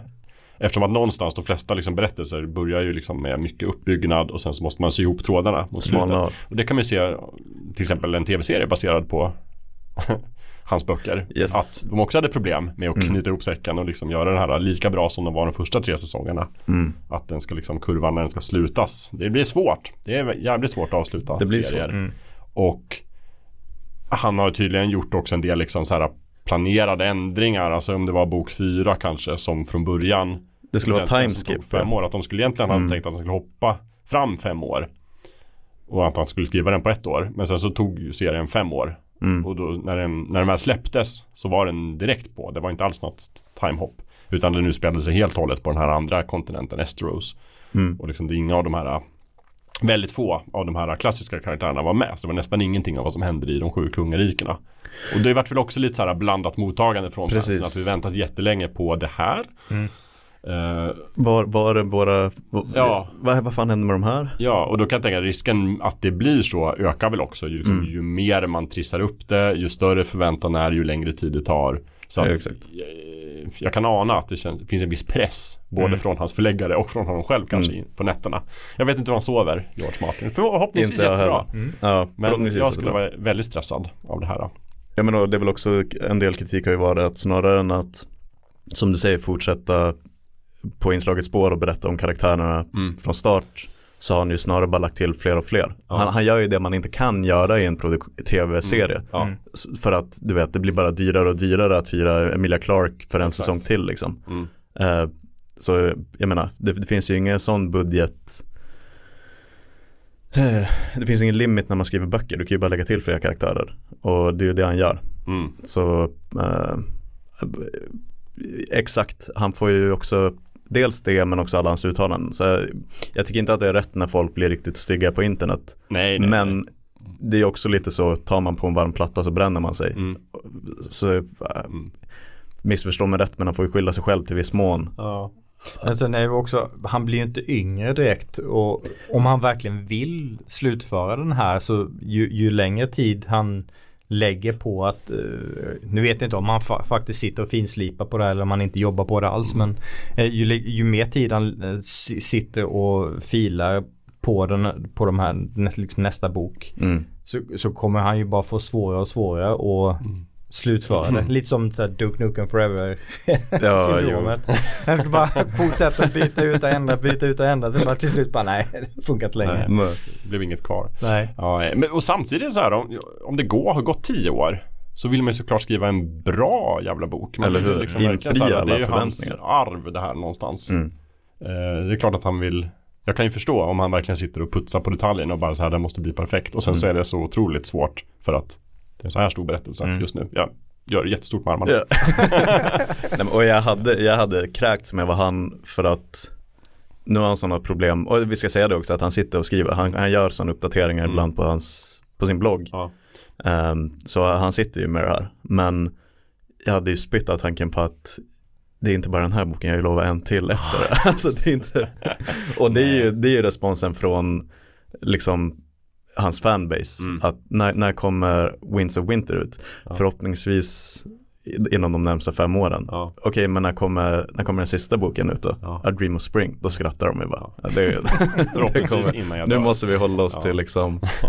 Nej men för samtidigt kan jag också känna att, att eh, han är ju säkert, alltså det är lätt att kritisera sig, bara varför lovar du hela tiden att boken är på gång? Mm. Han tror ju säkert det själv också Ja, det tror jag. jag. Han är ju säkert tidsoptimist Ja, och tror att han är nä, nästan klar. Och sen så Mm. visar det sig gång på gång att det är inte så. nej. Det är ju Eh, då och- alltid kreativa kretsar att man kanske har en annan bild av eh, Nej, sin produktion Nej. än vad som är det har väl realistiskt. hänt oss alla liksom. Ja, någon jo. gång sådär, som någon gång har försökt göra någonting. Eh, och, och sen det här med att han, jag vet inte, eh, han tror säkert att han ska leva för evigt. Mm. Jag tror inte många går och tror att jag är ju snart död. Mm. Vi har, det finns ju ett annat exempel då i liksom fantasy genren som du snuddade vid. Exakt. Utan Nämligen Robert Jordan som gjorde det här Magnum opuset, The Wheel of Time. Där det var liksom lite liknande situation där det också var lång väntan på en ny bok och sen så mycket liksom kritik, när ska du skriva klart? Mm. Och han fick ju också någon sån här jätteallvarlig blodsjukdom efter ett tag. Men var ju även in i det sista, jag läste ju också på hans blogg då hela tiden när han gav sina uppdateringar. In i det sista så var han ju övertygad om att han snart skulle skriva klart. Och att han, liksom, han skulle inte liksom gå bort i år utan han skulle hinna skriva klart innan. Det är nära nu liksom. Och, så. och sen dag, en dag så hade han ju gått bort då tyvärr. Mm. Mm. Och så. Sen, den serien avslutades ju med en annan författare. Och det är väl också det tänker jag att jag är inte orolig för att Nu läser ju inte jag A Song of Ice and Fire. Jag kanske kommer göra det någon gång. Mm. Men jag, inte, jag följer inte den serien. Men jag hade inte varit orolig för att den inte skulle avslutas. För det förlaget kommer nog se till att det Att kommer det ut. händer, exakt. Men frågan är om han eh, är lika bra som andra författare på att eh, faktiskt dokumentera sina planer. Ja, nej det vet jag ju inte. Det hade ju Robert Jordan gjort och Mm. väldigt mycket, ganska detaljerat ändå. Eh, bitvis, i alla fall liksom de stora sakerna. Så att Även Tolkien ju. hade ju en del Ja, manus mm, som Ja, men precis. Christopher Jo, kunde avsluta Absolut, sen. absolut. Så är det. De allra flesta böckerna Tolkien gjorde har ju inte varit klara. Utan egentligen gjorde han ju bara Bilbo Mm. och eh, Ringen-trilogin. Ja. Silmarillion är ju liksom senare färdigställd av hans son. Mm. Christopher Lee höll jag på att säga. men Christopher Tolkien. det hade varit sjukt. Det är en plot twist. Saruman är hans son bara. Nej, en annan Kristoffer menar jag. ja, nej men alltså på tal om långkörare så att inte Tolkien liksom sen 30-talet Mm. fram till 70-talet och Ja. Plottade med Silmarillion Mm. och försökte få tag på den. Så en del, för en del fantasyförfattare särskilt kanske kan jag tänka att det verkligen är det som driver dem någonstans. Att bygga världen. Världsbygget alltså. Och sen glömmer de ibland att det, här, det måste bli en, Mm. en dramatisk bok också. Och det är ju förläggarens uppgift någonstans tänker jag. Mm. Och vill säga, jag hörde någon gång någon berättelse om Henning Mankell tror jag det var. Att han var så jävla dålig på att skriva böcker. tror jag när vi var på hans förlag och hälsade på. Mm. Det var någon som sa det, att han behöver så mycket hjälp. vi måste hitta på liksom hela plotten. Han vill bara sitta och skriva så här detaljer av rum olika Mm. datorer och så vad de heter. Och så bara, men Henning, bara, ska det inte vara ett mord här i det här kapitlet? Kanske det blir lite spännande. Så jag vet inte hur mycket av det som är sant. Men jag kan tänka mig att liksom förläggarna kan ha en viktig uppgift ibland. Det är ändå förvånande med tanke på hur många böcker den mannen har spottat ur sig. Ja, Mm. Men, men det är väl också så här, kan man hitta någonstans liksom konceptet Mm. och rytmen, då kan man bara köra på med lite Exakt. hjälp. Det är svårt, jag tror ju så här, särskilt A Song of Ice and Fire som är så spretig. Det är ju liksom verkligen stort. Allt, och allt ska någonstans sammanfalla på ett sätt som inte blir lika dåligt som, som Mm. slutet på tv-serien. Mm. Ja, ja, jag vet inte. Men det, det är ju kul, det finns en intervju, eller det är en sån här panelsnack med George och eh, Stephen King. Och Stephen King han är notorisk för att han, han kan ju skriva en bok på en förmiddag. Ja precis. Mm. Och så säljer den i fem miljoner Ja. exemplar liksom. Och då sitter de där och då eh, publiken vet att den här frågan kommer. Men George frågar Stephen King liksom how, how the fuck do you do it? Mm. Eh, Så avundsjukt. Ja. Hur, hur, hur kan du bara spotta ur dig färdiga böcker på löpande band? Ehm, men det vet jag väl också, Stephen King han är väl också känd för att han har liksom Han hanterar författaryrket lite mer som en eh, elitidrottsman. Mm. Att han har väldigt så Väldigt disciplinerad. disciplinerad. Jag skriver Ja. mellan de här tiderna. Han sitter ju och övar på att skriva varje dag. Ja, Han skriver 2000 ord även om det inte är någon bok av det. Ja, nej, men väldigt mycket så här stämpla in på jobbet. Ja. Skriva, stämpla ut. typ jag, jag Jag ska inte. släppa en bok varje år, det blir den här. Så. Exakt. Ja. Sen har han sån, jag skriver 11 sidor per dag liksom. Och, så sen så, och George R. R. Martin sitter bara där med de största ögonen. Och så du är en alien. Han bara, drakar. Men eh, 11 sidor om året. tillbaka till Wheel of Time. För det blev ju Brandon Sanderson som Ja, avslutade. Ja, och det här, du kanske får svara på för återigen hela, hela grejen med Song of Ice and Fire att folk är rädda för att det här ska hända. Att Mm. det, det kommer inte att vara George som skriver klart Mm. bokserien. Du som är ett fan av Wheel of Time ändå. jo vars, absolut. Ja, För all del. det, det, tycker kan gå, bra. det kan gå hem. Ehm, vad, vad tyckte du om utfallet i den? Ja. Eller, alltså den var ju väldigt viktig för mig. Eftersom den har pågått så länge så läste jag den som tonåring och då var det en väldigt viktig fantasy-serie för mig. Så att sen har jag ju följt den ändå liksom. Mm. Eh, Jag tycker väldigt att den är bra. Men det som var där, jag menar kolla nu bara så här hur lång tid det tog mellan böckerna. Och det Ja. var väldigt likt i början det där som George R.R. Martin skrev. Att de första böckerna var det liksom ett år, Mm. kanske två år emellan väldigt länge. Fram till, och det var egentligen det fram till slutet. Alltså sist, näst sista boken tog det tre år att skriva. Eh, Och sen tog det två år innan A Knife of Dreams då som var bok nummer 11. Det var den sista som Robert Jordan skrev. Mm. Så att det här med, det var inte alls, ta, aldrig tal om de här tio års väntan. Nej. Eh, utan han har hållit ett ganska högt tempo. Det, jag, det som däremot han kritiserades för, det var typ ingenting händer i böckerna. Det var väldigt så här, Fielder.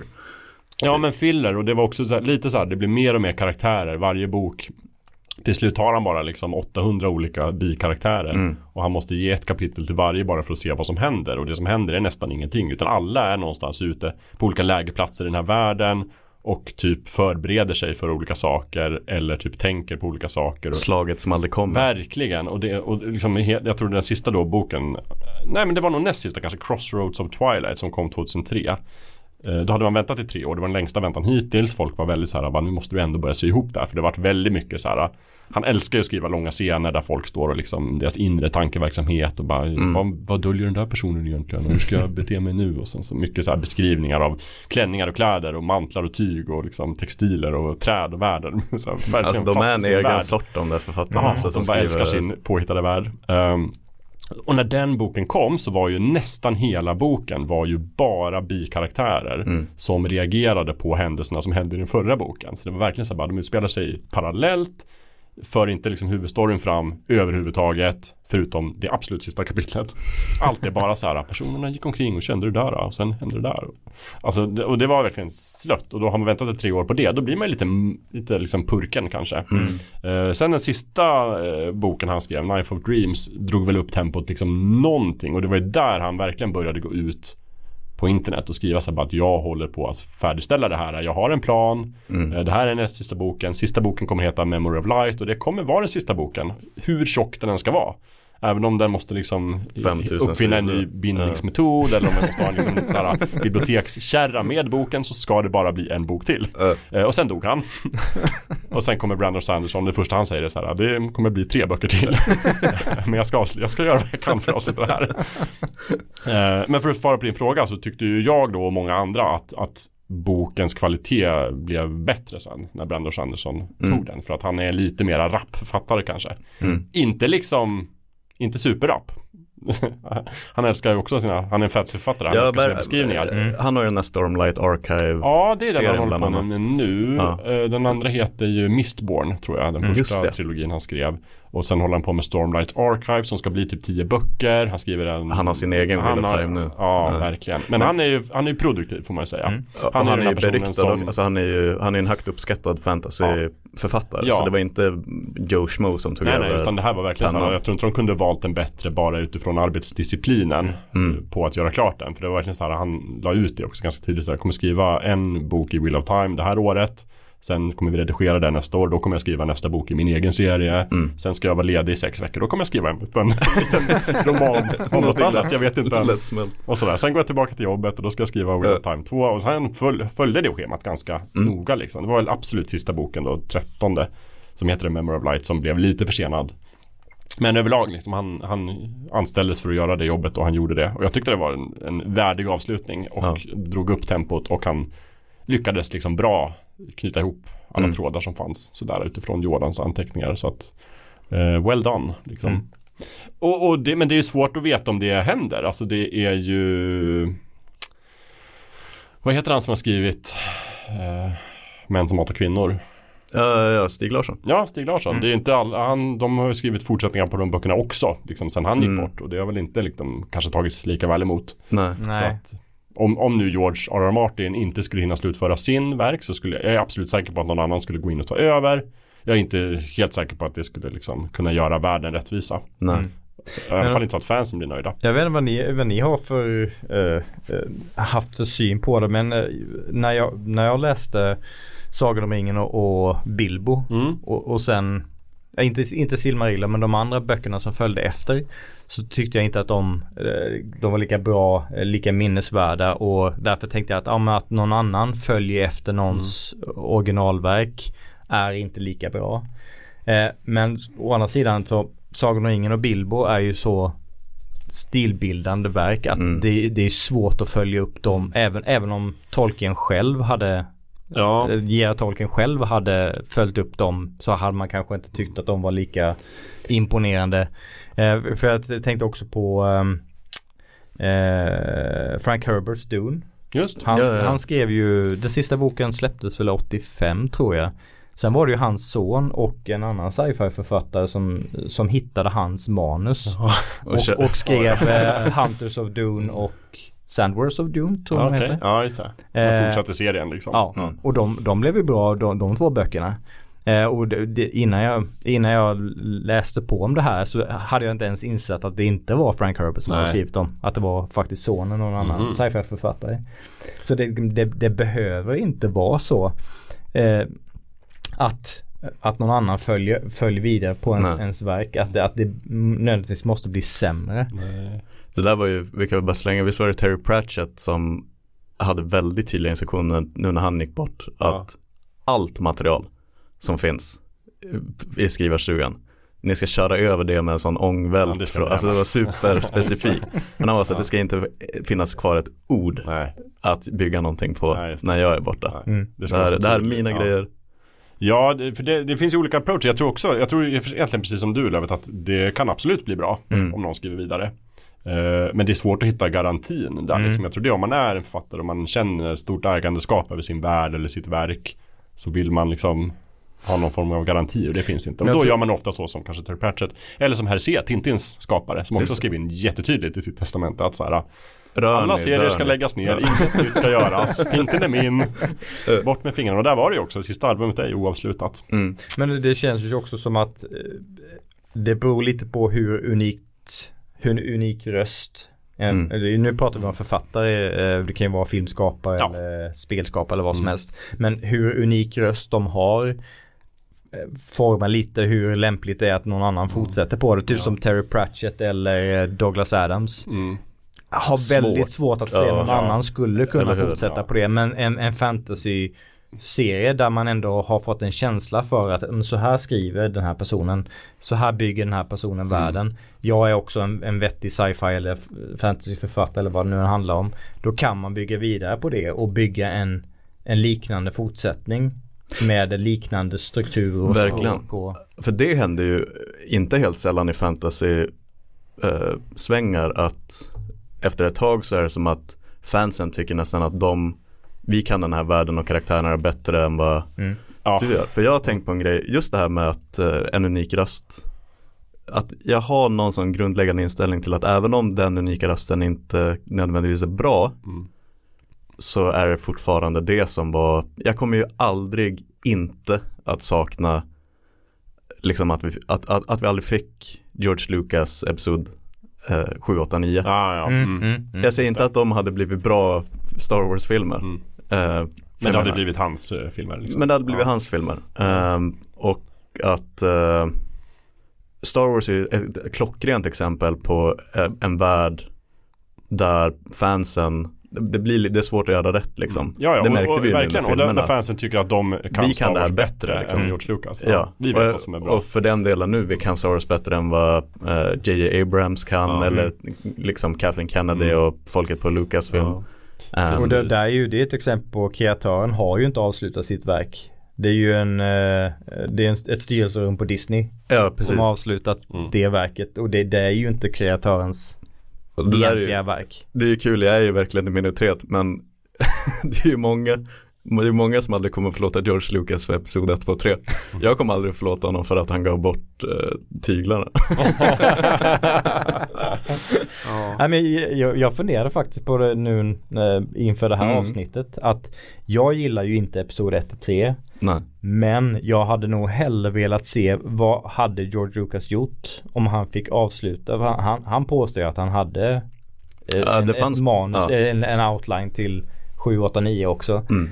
Eh, jag hade hellre velat se vad hade han gjort för att knyta ihop säcken på sitt universum. Mm. Än att vi får liksom på, på slutändan så slänger de in en trilogi som är skapad av ett mischmasch av Mm. regissörer och Disney-människor.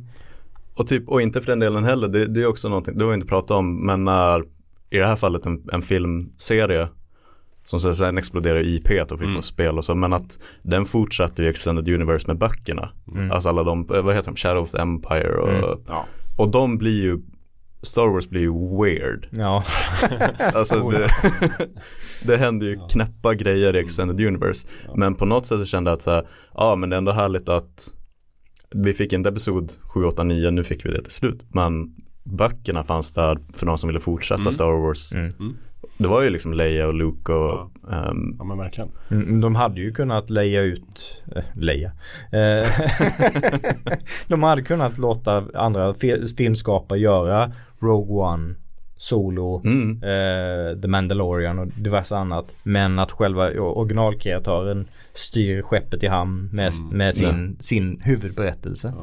Alltså det blir ju svårt någonstans när det blir en sån stor franchise och det liksom kommer massa extend, expanded universe och så. Eh, alltså att prata om så här eh, ägandeskap någonstans. ja precis. Alltså det var ju ganska unikt med Star Wars just att George Lucas faktiskt hade sån total kreativ kontroll Mm. så länge tills han sålde alltihopa. Mm. Men även liksom Expanded Universe, han hade väl olika kanonnivåer. Så här, Mm. liksom, att visst allt som står i böckerna är sant såvida det inte säger emot någonting som jag har gjort i filmerna. Mm. Men annars så absolut, lek och ha kul men det är jag som bestämmer Mm. Men det, men det är ju ett exempel på, eh, ha, han sålde ju varumärket efter att han har fått sk- skit så länge ja, för original eller prequel-trilogin. det är svårt att hålla honom emot det faktiskt. Ja, men, men samtidigt där eh, hade han något ansvar mot fansen att trots all, alla påhopp avsluta det eller eh, gjorde han rätt som Ja. att ja, men jag, jag har fått för mycket skit så att det är bättre än någon annan tar det här i hamn. Ja, nej men det är väl samma som George Martin då, att han har väl egentligen inget ansvar att fortsätta någonting.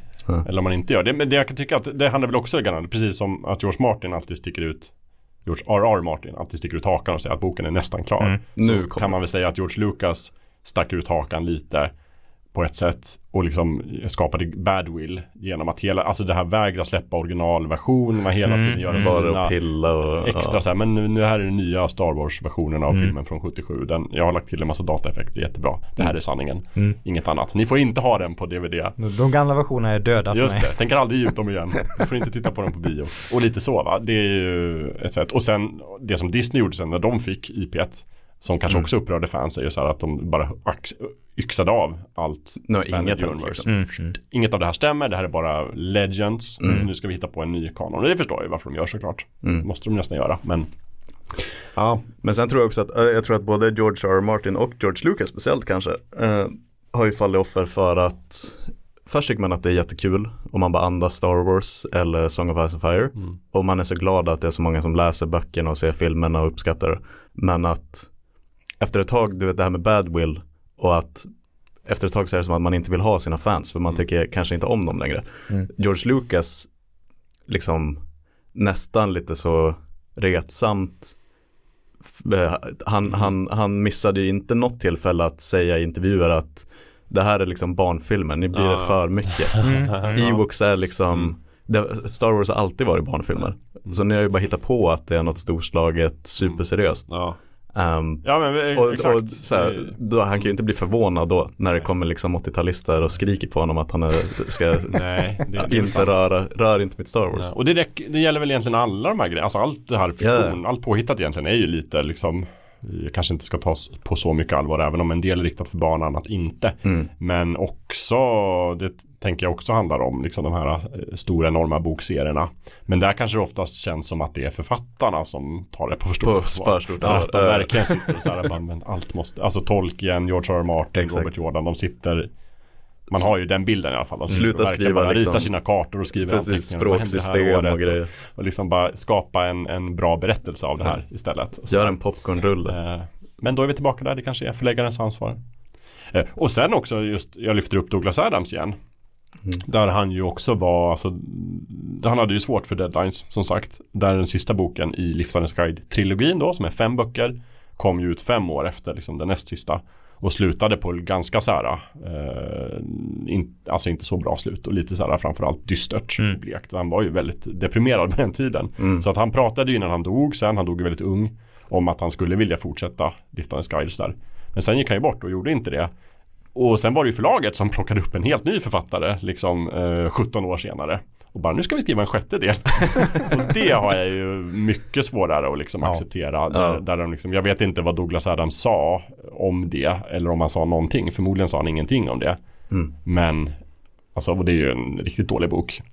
Det kanske, jag. Och det på tal om just det här med en unik röst och sådär. Och han avslutade inte Dirk Gently i serien heller va? Nej, eh, det var ju bara två delar. Mm. Där, där han skrev, det gavs ju ut liksom postumt Mm. då en bok som Mm. heter The Salmon of Doubt som var, Mm. liksom, innehöll några sidor bara av det som skulle kunna bli en, antingen en ny Dirk Gently-bok eller en ny Liftarens guide-bok. Mm. Han ändrade sig fram och tillbaka. och han, änd- sen sa han så här, det enda jag vet är att det här inte blir en ny Liftarens guide-bok. Och sen Mm. står så han, det här blir en ny Liftarens guide-bok. och sen gick han bort. Men den finns ju liksom samlad, det som finns kvar. Men det är också Mm. ofullbordat. Mm. Så att, Ja det är, det är som att de skulle verk bara. Ja, men det är som att de skulle dra upp en författare nu och skriva en tredje Dirk Gently-bok. Mm. Nu har de i och för sig gjort en tv-serie Ja, som Netflix. tar sig vissa friheter. Mm. Så att, och det har jag absolut noll problem med alltså egentligen. adoptioner är väl Att man gör en Mm, adaption precis. och lägger till saker.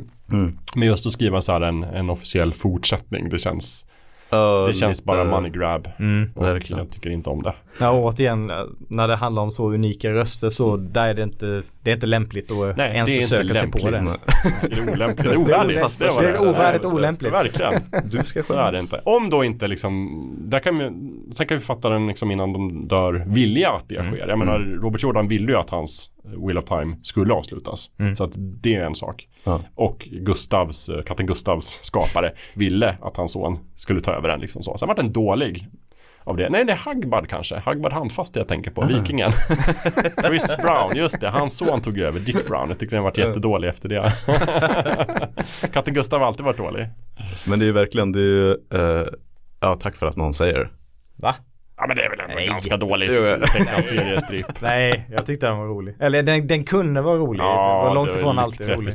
Det roligaste tycker jag med katten Gustav är ju när de har gjort eh, Det finns på nätet katten Gustav utan katten Gustav. Där det bara är John på Ja. serierutorna. Du blir bara Det blir jättedeppig. Han sitter bara med sig själv och pratar så här bara. Kanske borde gå på en dejt. Bara träffa någon. Bara prata med sig själv. Och den blir så sorglig och ensam. Det är fantastisk. Fast en, en Katte Gustav-strip är faktiskt en av få orsak till en av få gånger jag skrattat så mycket så jag inte kunnat andas. Är det sant? i mitt Oj. liv. Ja. Eh, och jag, jag vet inte varför just eh, varför det blev så häftig Nej. reaktion med den. Men jag kommer ihåg på högstadiet satt jag och läste på biblioteket med några kompisar. Mm. Och så läste jag en strip där eh, Jon står och förbereder en lasagne i köket. Ja, vore bra. Och så förbereder han, och så eh, förbereder han den och så pratar han med en dejt på telefon. Och så, så kommer Gustav upp och, och stjäl lasagnen. Mm. Och då vänder han sig om och vrålar. "Det- Din feta gris, jag ska raka dig skallig och kasta ut genom fönstret. Oj. Och så sa hallå? Tror ju dejten att han Ja, jag förstår. med. Jag fattar. Tyckte det var jätteroligt också. Ja, dråpligt. Typiskt Jonas. Ramlar alltid. Eh, jo, Ja. nej, eh, en insikt i det här avsnittet är ju definitivt att om det är någonting författare ska författa så är det ett gediget testamente. Mm. Mm. Alltså det låter ju det är ni lite vill ha. morbid. Ni bestämmer, men bestämmer hur ni vill ha det. Mm. Annars Precis. blir det någon skit. Precis. Eh, Ja, shit, ja. verkligen. Men vad, jag bara tänker på katten Gustav igen så här, du skrattade så mycket. Vad är det mesta ni har skrattat åt? Är det det du har skrattat som mest åt? Att du inte kunnat Nej, det är några andra saker men, Ja, men men, det- jag minns just ut. att det, det stack ut för, För mig, jag för mig är annars. det ju någon av Rosa Pantern-filmerna, de gamla. Ja. När konstapel Clouseau ska gå hem. Mm. Och hans tjänare Kato då, lite vagt rasistisk, eh, ska anfalla honom varje gång. Sådär. Mm. Jag tror den, den första jag såg, det var kanske så här 9-10 år eller någonting, när han anfaller honom. Och hela den fighting-scenen. Mm. Alltså jag skrattade så jag verkligen inte kunde andas. Det var så roligt. Ja just det, den galopperande detektiven Ace Ventura. just det. Ja, gud. scenen där han liksom, där han gör skugg, skuggmönster på eh, Ja, han som ska den hålla i den här diabildsprestationen. Mm. Han gör det, Hi ho silver Ja. away. Då skrattar jag jag kiknade, då kunde jag knappt andas faktiskt. Det är så jävla bra den filmen. Har, du, har du några skrattattacker Gustav? Åh gud, jag har ett eh, Jag tror alltid att det kommer från, minns ni filmen Kangaroo Jack? Ja. Mm, mm. Jag tror inte att det är från den filmen Men det är en annan Ja. Där är någon som står i köket och sen så ska han göra en sån perfekt, då gör vi så Mm. Och så klappar han till med handen och träffar en bunke med typ 44 ägg i Så att de bara sprutar. Och jag vet inte, den kom från ingenstans Ibland kommer det sådana slapstick Ja, ja. Mm, grejer i precis. filmer Mm. Jag tappade det totalt Alltså jag låg på golvet och skrek Ja. Och så pausade jag, spolade tillbaka VHSen högljudd Kollade igen, skrattade, roligt. tillbaka. Lika roligt varje gång. Ja, det. Det finns några sådana, men alltså ärligt talat jag tror genom, genom åren så är det nog oväntad Jag är inget jätteslapstick-fan men de största skratten har nog kommit från oväntad slapstick i filmer Just det, nu kom jag också på. Eh, en kompis visade Spaceballs Ja. och, när, och när han säger, eh, när Dark Helmet, när han säger I knew it, I'm surrounded by assholes. Ja. Keep firing assholes. Då, då låg jag faktiskt bokstavligt talat på golvet och inte kunde andas. How many assholes do we have on this ship? Yo! yo! ja, överlag. Jag tror liksom skrattattacker per capita är nog väldigt hög i just den filmen. Ja, Alltså Så Mel Brooks är eh, geni Ja, ja, den, jag har ju, ja. Uh, The Balls of Sheriffen är väl också minst. Jag tror jag skrattade hela den filmen Mm. nästan. Bara så här. För övrigt är Mel Brooks, det är antingen den där Triple Crown Har han egot eller en Triple Crown Mel Brooks? Det är någon egot Ni bara kollar på mig, Ja, förvirrat alltså en, en Emmy, en... Emmy, Grammy, Os- Oscar och eh, Tony Award Tony, just det, Just det. just Har han allt alltså? Han har allt Jaha, bra jobbat. Yes, Ja. så han är en av dem en av. Whoopi Goldberg har ju också en Mm, egot det. Annars är det ju så Dave Nichols typisk egot-mottagare för att Mm. han var Men eh, jag blir alltid glad när jag blir påminn om att Whoopi Goldberg har en egot Ja, liksom men det tycker jag hon är värd. Ja, Det men det var en massa mossiga gubbar och så dyker Whoopi upp Ja, för att hon vann Det var- Visst var det Ghost som hon vann sin Oscar Ja, för? ja, när, ja, när hon precis, är mediet just som ska mediet, med, Just det. ja. Eh, nej men det här med, med verk och Mm. så. det är lite avstickare där. ja. jag, jag tänker när vi pratade om eh, verk. Ja. Vi pratade om eh, att fansen tycker att de har liksom Bättre bättre, förståelse Mm, och bättre mm. äganderätt än kreatörerna. Då tänker jag osökt på Ron Gilbert och Monkey Island eh, Ja, just spelen det, nu. just det, Den de första och andra. Monkey Island kom Mm, 90 och 91. Mm. Och han avslutar inte historien, de gör en massa nya Monkey Island-spel och nu är han tillbaka efter typ eh, 20, 31 år. Jag har Ja, upp gud det är en bra Return to Monkey Island kommer senare i år. Mm. Och vad gör fansen? Det första är att berätta hur fel allting är. alltså, Det ser fel ut. Ja, det var det här grafiken har inte jag godkänt. så Men Så han liksom slutar eh, publicera nytt, Ja. nytt innehåll för att han tr- inte gillar reaktionen på nej, folk är ju arslen på internet. Ja, det är, det är bara Det är en gammal sanning. Men också just den här liksom känslan av att jag gillar inte det här, därför är det fel. Ja. Alltså det är verkligen så här, men jag bestämmer att Monkey Island ska se ut som en pixlig 90-talsäventyr. Mm. För det gjorde det på på 90-talet. 90-talet Men det var inte pixlig grafik då, det var grafik. Ja. Det var cutting edge Ja, precis. Det har aldrig varit så fotorealistiskt Nej. som i The Shacks Och sen, sen får man ju såklart tycka vad man vill estetiskt om vad man gillar och inte gillar. Men det är ju också så Jag vet- jag vet om det en- Jag vet inte om del av man gjorde problemet ligger i att det har skapat en del eh, liksom retro-osande spel som behåller pixelgrafiken Jo, till viss med del. Men uppdaterar den. Ja. Att om folk har förväntat sig att det skulle bli någonting Mm. i den stilen Ja. istället. Och hej, ingen älskar ju liksom pixelgrafik mer än jag. Nej. Nej Såklart, jag tar gärna ett liksom pixel peka och klicka äventyr när som helst. Mm. Men eh, alla behöver inte vara det. Jag tycker framförallt att om Ron, Gilbert tycker att vi ska göra den här grafiken. Eh, för det är uppenbart så att han vill göra det. Det är Ja. väldigt medvetet val att vi ska ha den här estetiska inriktningen. Eh, så kan vi göra, de får bestämma det, de som utvecklar spelet. Ja, det är ju det är framförallt att det är han som återvänder till att skapa Ja. det, det humorverket som han Mm, en gång Men startade. det är lite så här som man har tjatat i typ 30 år om att de vill se avslutningen och sen får Ja, de det som bara, men det är fel färger. Ja. Nej, inte så. ja. Men återigen, jag är så jävla tacksam över att jag fick det där gjort med Mass Effect 3. Så att jag aldrig igen Sticker ut hakan på behöver ha fel åsikt på internet om den där grejen. Kan alltså. man gräva upp dina gamla tweets? Det kan man. liksom? Nej, Ja, det, inget, det är ju i FZs forum. FZs det forum, nej, just nej det. faktiskt nu finns det inte för jag bad uh, vår gamla kollega Anton att anonymisera Jaha, bara döda allt. Det man aldrig hitta. Så, så nu fin, det finns Ja. liksom, det har gått förlorat i etern. Men, men verkligen, alltså jag, jag, jag blir mörkrädd för mig själv när jag tänker på hur mycket, att jag bara känner då, oh, Bioware, de har ingen koll på hur man gör Mass Effect. Nej. Nu är jag bara så här, vad är det där för människa? Ja. Men, och räddningen när man sitter och läser kommentarer på nya Monkey Island, Mm. att då tänker jag så här att det här är deras Mass Effect och Mm. efter det här, då kommer de aldrig att göra det här misstaget igen. Men det ser sjukt ut för att det är en massa, massa individer Mm. som klumpas ihop på internet. Så alla gör det här misstaget, Ja. fatala misstaget en gång, men allt sker Det blir en samtidigt. stor tryckvåg liksom. Så det, är- det, det, det är ett formativ, formativt ögonblick för Ja. så många människor samtidigt. Mm. Och, så jag tycker bara att det, det är så onödigt och eh, Ja. det är skrattretande alltså när det går till den, den milda graden hos vissa människor. Men Mm. det är kanske också samtidigt just det här samma som med, med A Song of Ice and Fire som i det där Reddit-forumet att det enda de kan sitta och prata om nu är när nästa bok kommer. Ja, Att de här Monkey Island-fansen i flera år har de liksom inte haft något att prata om förutom i liksom hur de skulle ha gjort det eller hur de det finns mycket idéer. Det finns mycket Mm. idéer Ja. och då har de liksom När det väl De kommer inte. så är det Ja. inte det. Nej. Ja. Ja, Men det där med att vänta länge och vad fansen skulle tycka om eh, eh, någonting de har väntat länge på. Låt säga att du skulle avsluta Half-Life 3. Ja. Just det. Ja. Hur skulle det tas emot? Ja, det- skulle ja, folk ha åsikter om, ja men nej men så här ska ju inte den berättelsen fortsätta eller det sant. det, det här är inte lika stort som tvåan var när det släpptes. Nej. Nej men precis, snacka om att ha förväntningar på sig. Liksom. Att det, spelet måste vara lika banbrytande tekniskt sett som Mm, ettan och mm. tvåan var. Det måste vara lika bra story minst och eh, ja. Och det kommer ju inte vara samma kreatörer som är kvar vid Nej, företaget exakt. så att ja, det hur kan ska, ju Hur inte... ska det gå ihop? Det kommer inte gå. Men där måste jag säga att där, där applåderar jag verkligen Valves liksom taktkänsla med Half-Life Alyx. Mm. Just För det, det, hade, verk- spelet, va? det hade Mm. verkligen kunnat vara Half-Life 3. För Ja. att det var ju verkligen banbrytande på Ja, samma ja, ja. sätt. Alltså typ Mm. när Source-motorn kom med Mm. liksom Half-Life 2 Mm. så var jag så wow. Ja. Och så sen så kom Och fysiken och- Jag menar, vi behöver inte säga något mer om Half-Life 2. Det är ju en ett av de här odödlig klassiker. Odödlig klassiker. Mm.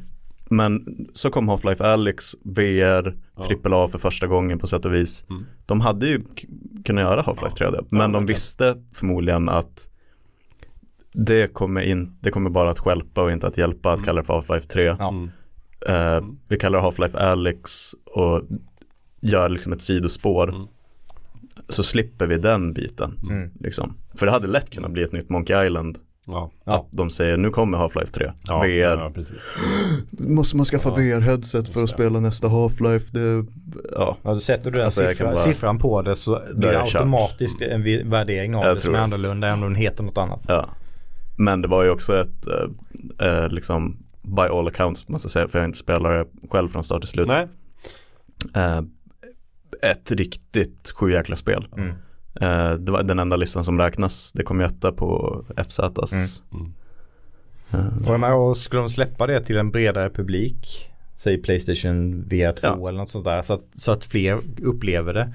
Så skulle de kunna fortsätta på serien med olika undertitlar mm. och inte kalla det Half-Life 3. Och det skulle nog tas emot väldigt bra. Men Mm. skulle de kalla det Half-Life 3 skulle det förmodligen kritiseras. Men det, är- det är väl också just det här, vad är det man väntar på då egentligen? På ett sätt väntar man såklart bara efter ett nytt Half-Life-spel Mm. och får Ja. spela det. Men på en annan nivå så är det ju själva storyn då. Vad händer Exakt. med Gordon Ja. Freeman och Alex? och G-Man liksom den här och stora cliffhangern. Så är det ju det man är ute efter. Och det måste man ju någonstans paketera. Även om man kallar det Half-Life 3 eller inte så är det ju den storyn folk vill Ja.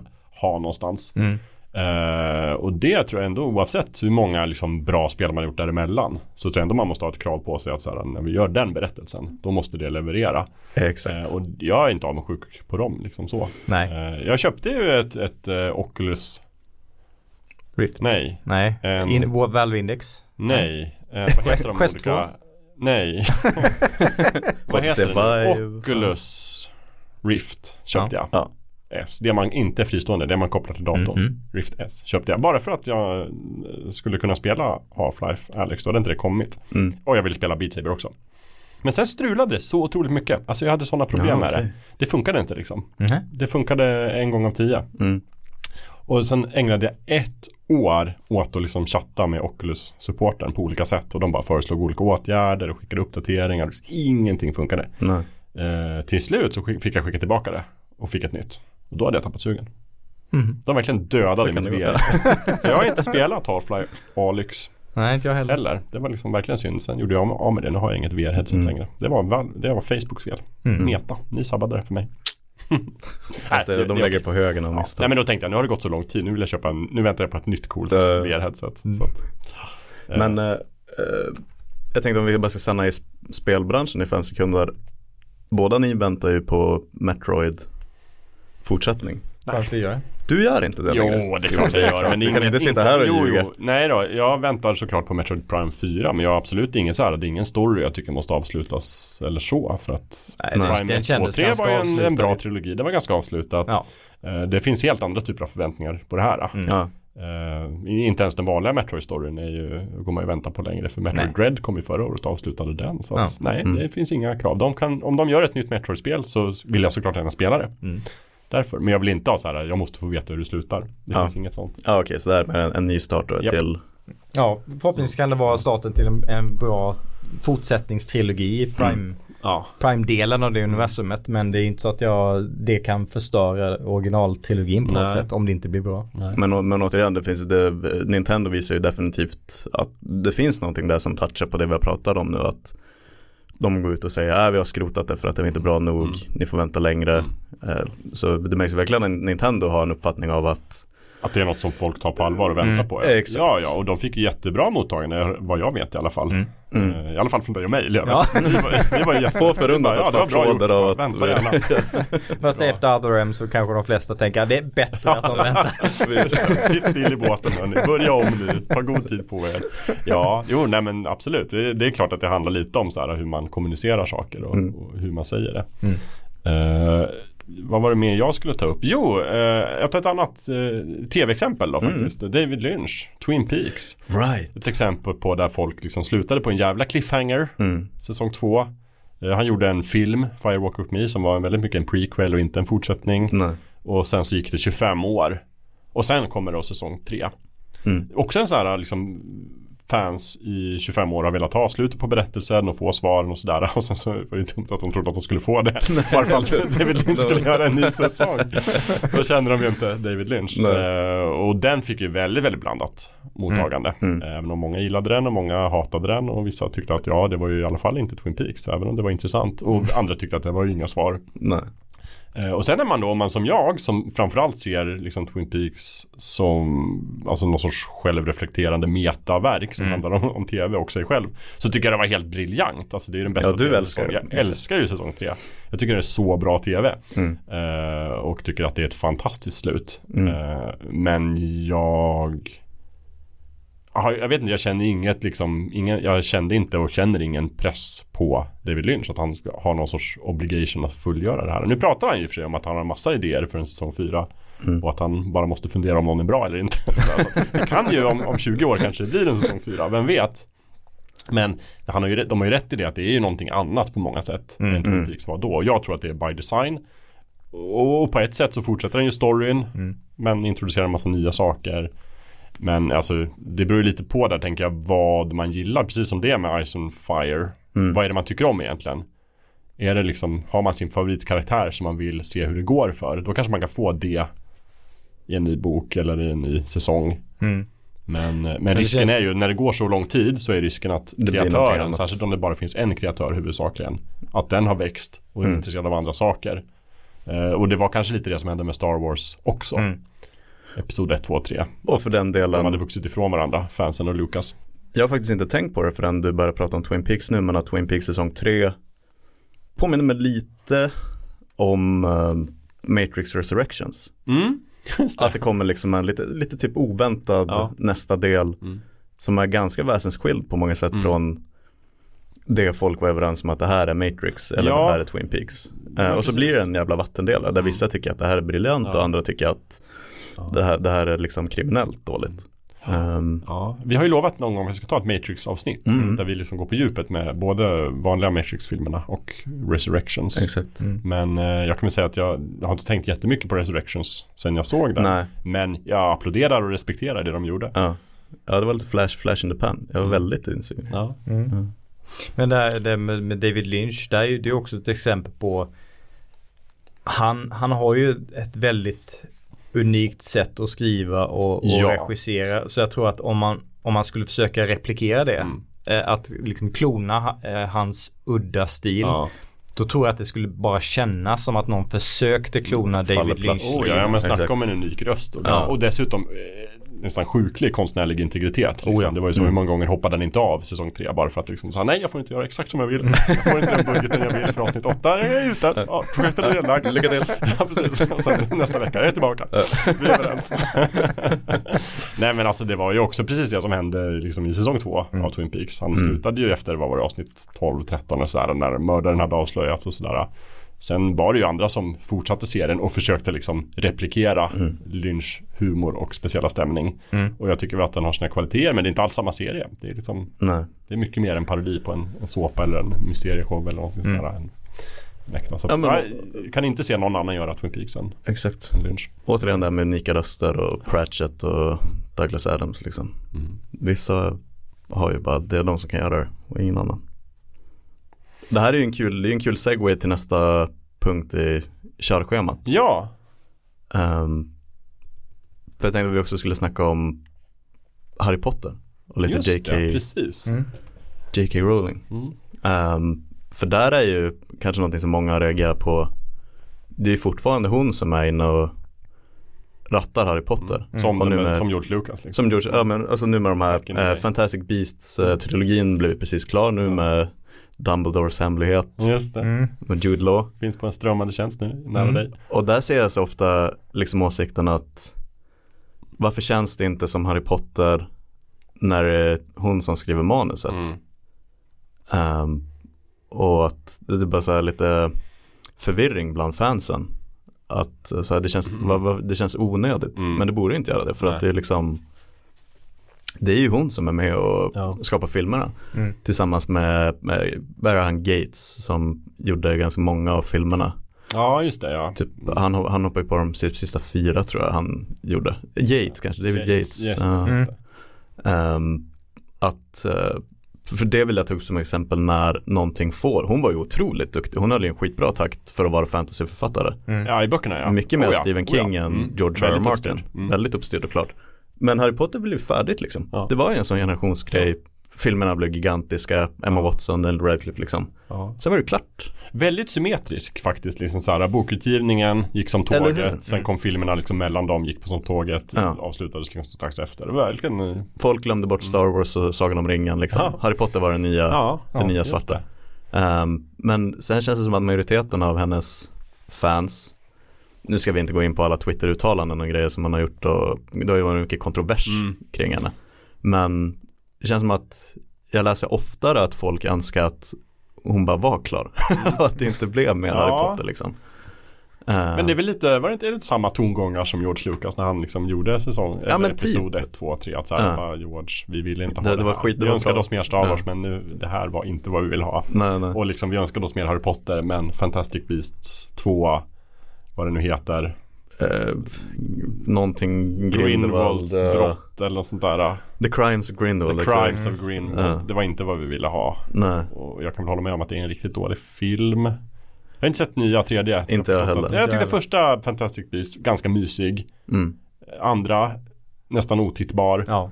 Tredje, eh, vet inte, vågar inte riktigt se. Och du har inte sett den för att tvåan var det Ja, tvåan nej, men var verkligen. Men också så här jag, det är ju lite intressant ändå just med Harry Potter för att jag tror egentligen att de flesta är rätt nöjda med liksom Mm. kärnstoryn och där finns det ju också den här lite fortsättningen som var en teaterpjäs The The Cursed, Cursed Child, just det. Som jag inte såg såklart för jag har inte varit i London på år och dagar. Nej. Men jag läste boken, Mm. eller manuset som de skrev. Gjorde en bok av. och Just ut. Och den tyckte jag ändå kändes klassisk, liksom J.K. Rowling, Harry Potter. Så Mm. det kändes rätt vibbar.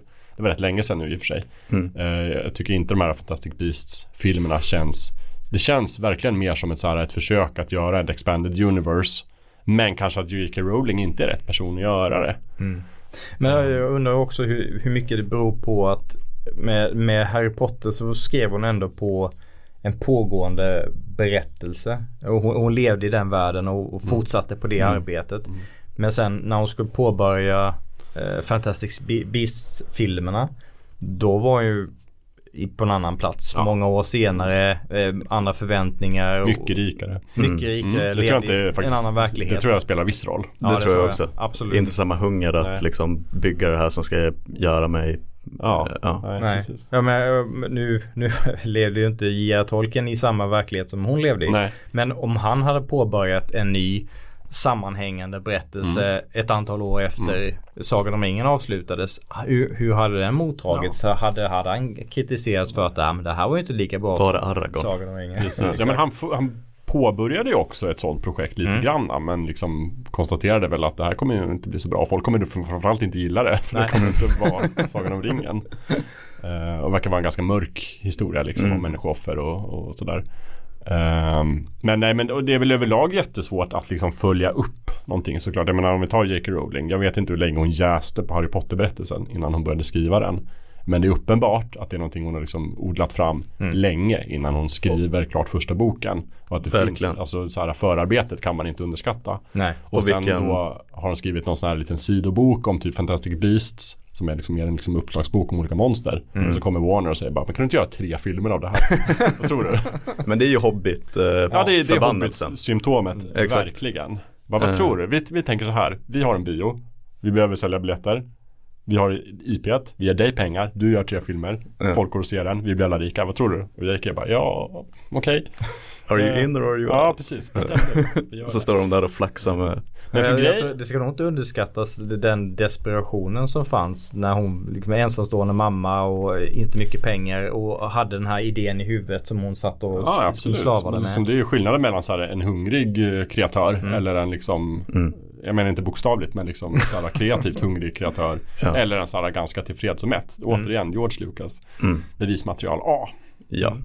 Nej, men du måste göra mycket med ganska lite. Ja. Om man ser liksom koncentrationsmässigt, Mm, ja. livssituationsmässigt allting. Exakt.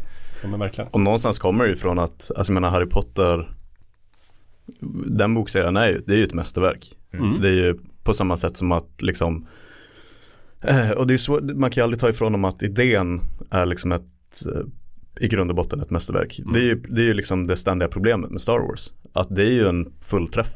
Mm. Från början. som, som också blir liksom en kommersiell fullträff. Och då är det ju som att eh, liksom halveringstiden på ett sånt IP. Mm. Det är, det är ju uran liksom. Det, blir all, det kommer alltid att finnas studios och förläggare och som ser liksom att vi kan Guldet har inte sinat Nej. i Harry Vi Potter-gruvan. ska nog kunna damma det här. Vi ska ja, göra en ny? Ghostbusters-film här Ja. till exempel. Eller vad som Eh, helst. Jo, men, men grejen är med, med Harry Potter är annars också att jag tycker att hela världen är så ganska lämpad för en franchise på det sättet. Ex- Eh, det är Expanded egentligen Universe konstigt. Det är egentligen där. konstigt att de, nu kommer ju det här fantastiska, säger de i alla fall, att det blir ett fantastiskt spel. Hogwarts Legacy. World Hogwarts Legacy. Mm. jag tycker det verkar lovande. Jag också. Jag är intresserad. Men, men överlag, det är konstigt att de bara gjort tre stycken liksom, Hobbit-filmer efter pangsuccén. Mm. Och inte, alltså det finns ju sån potential liksom. Alltså påkostade HBO-serier. Oh ja. Liksom om några auror som undersöker brott eller liksom vad som helst. Det finns ju Mm. hur mycket potential som helst. Och jag, jag, dels är det väl problemet att liksom J.K. Rowling är en ganska kontroversiell figur Mm. nu för tiden. Men också tror jag att hon har sån hård kontroll själv och kanske inte riktigt vill ge med sig. Mm. Jag tror att de skulle nog kanske där faktiskt behöva frigöra. Det är lite ironiskt, jag argumenterade för motsatsen tidigare. Ja, ja. Men här kanske de faktiskt behöver frigöra det för att bygga en franchise. Mm. Då tror jag att man måste Det är ett sätt är liksom om en författare avslutar sitt verk. Mm. Men om man sen ska göra en franchise av det, då tror jag man måste koppla från det från Mm. en figur och sätta en annan figur som är duktig på en franchise. Som Mm. typ Kevin Feige. Och, och som, förlåt men jag bara tänkte det Levet att du hade en så himla bra poäng tidigare. Eh, angående det här att låt det då vara så att det aldrig mer kommer en direkt uppföljare till The Deathly Hallows. Mm. Mm. Klart där liksom. Gör Mandalorian, gör Fanta- Ja. låt Fantastic Beasts inte handla om Dumbledore Mm. utan om knäppa monster. Ehm, då, då funkar det. Men hon har ju alltid haft, alltså hon har ju varit antagonistisk mot eh, fanfiction och Mm. Liksom genom hennes karriär. Hon tycker inte om när någon annan gör Harry Potter. Nej men precis, och det är väl kanske då en brist om man nu vill se liksom en, en expanded universe. Däremot så minns jag att efter bok 7 så var hon ju väldigt aktiv på nätet och svarade Mm. på frågor och berättade så här Ja. mycket så här vad som hände med personer efteråt och Mm. lite detaljer och fyllde ut världen på det sättet.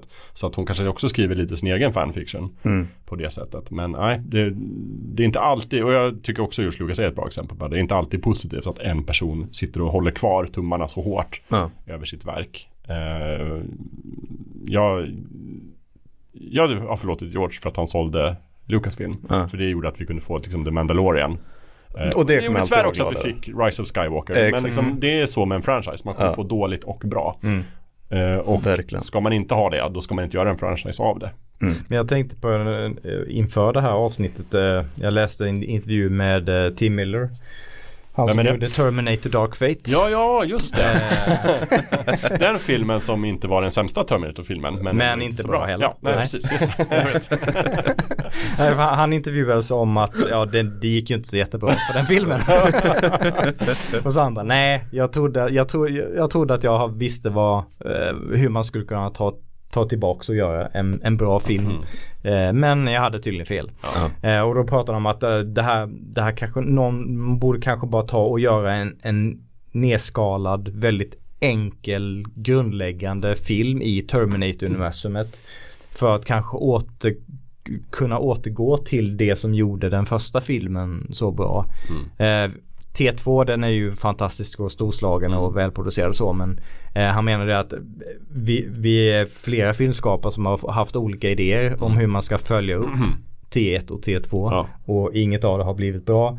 Så nu kanske vi bara ska lä- lämna över det till någon mer oerfaren eh, regissör som skapar en enkel nedskalad berättelse i Terminator-universumet och så kanske det kan återvända till någon form av storform. Och det, det tror jag skulle kunna funka i, i både i Star Wars, det har vi sett med The Mandalorian, det är kanske ingen okänd regissör där men ändå att man man renodlade och släpper kontrollen över de här verken som har blivit för stora för, För, ja, för sin lite kreatör. too big to fail Ja. eh, stämning på det. Ja. Men jag tror att det är, jag tror det verkligen sätter fingret på något. Jag tror att det är exakt så. Om man ska göra en franchise så måste man göra så för att få ett nytt grepp. Och det jag tycker många gör misstaget hela tiden är att de hela tiden försöker gå tillbaka till originalet. Alltså typ Skywalker dyker upp hela tiden i filmen. Att det blir alldeles för mycket fokus på det. Det är som att Harry Potter skulle vara centralt i liksom alla komma kommande tillbaka. grejer. Det handlar alltid om Harry någonstans. Eh, Och du, när- som du var inne på det här med Ghostbusters. Nu, Ja, nu nej, men- gillade inte jag 2016-filmen men Nej. det är ju som det, de försökte, försökte ta ett nytt grepp, göra Mm. någonting annat än den här safea, säkra l- uppföljaren som Afterlife exempelvis. Ja, och när det gäller Terminator så tror jag att om de vill göra en franchise av det så tror jag att de måste göra så exakt som du säger. Eh, däremot så där känner jag så här att, att liksom försöka fortsätta berättelsen, vilket någonstans är det de hela tiden gör. Det ser jag inget behov av. För ettan och tvåan avslutade berättelsen. Det är klart. Den slutar bra i tvåan liksom. Det är slutet. Men, men det, Allt det, annat är bara en, en, en, en vänta vi gör en fortsättning. ja, men det, det bästa som har kommit efter T2 är ju The Sarah Connor Ja, Chronicles. det är det verkligen. TV-serien. Ja, precis. Och, och den är ju, det är ju det är ingen jätteproduktion den är inte egentligen. nödvändig men den är Nej. ju intressant och bra. Ja, Jag tror men det, det skulle nog fler, fler franchises Mm. må bra av faktiskt. Du är och nosar på någonting Lövet som jag tror kanske löser allt det här. Att Hollywood måste bara sluta försöka göra regelrätta uppföljare Mm. Om det inte är James Cameron som gör dem. Ja men exakt. För han är ju typ Ja. den enda som har be- bevisat att det, att det går. De borde ha ett sånt flödesschema såhär, vill du göra en uppföljare? Ja, nej, ja. Ja. Är det James Cameron som gör det? Nej, Nej, bara lägg det. ner det. Inte. Ja, nej men faktiskt. Jag antar att vi får svaret när eh, nästa Avatar släpps. Ja, Om man kan hålla i. Mm. Göra det Den på sig nivån. själv liksom. Ja, Snacka om en uppföljare som verkligen vill vara en franchise. Oh, ja. Yes. Men fyra, fem är Mm. redan påbörjade. Jag ser verkligen fram emot, alltså med spänning mot säsongen av Fullkultur där vi kan prata om Avatar 2. Ja, Avatar det blir kanske nästa säsong då, för den ska väl komma nu i jul. Ja. Ja. Ja, vi, Det känns tvåan i alla knäppt, fall. alltså. Trean, fyran, Ja. femman, sexan kan vi inte prata om på ett tag. Men. Men ehm, Tänk ja, att det- leva i en värld där Avatar 2 Ja. finns. jag vet. Jag kan inte föreställa mig Nej men det. alltså vi vet, snart vet vi om den är bra eller dålig. Eller dålig. Kan Exakt. James Cameron bara göra bra uppföljare? Eller är också han mänsklig? Kommer barn att klä ut sig till såhär Navi och typ Fran- alltså verkligen uh, Det. Halloween 2022, det är det som är, det är det vi Exakt. vet. Papyrusfonten 2023. överallt. Och Ja. nu när 3D inte är en stor grej, kan den stå på egna ben då? Ja. Det ska bli spännande. Det kommer bli en VR-film. Ja, just det. Jag ska slänga in ett supersnabbt wildcard nu när jag pratar lite om eh, typ Ghostbusters 2016. Ehm, det blev ju nyss nyheter av att eh, Ryan Gosling och Margot Robbie Mm. har skrivit på för en Oceans 11 prequel. Jaha, Eller en Oceans är de prequel. unga, unga Danny Ocean alltså? Eh, det- det vet jag inte. Nej.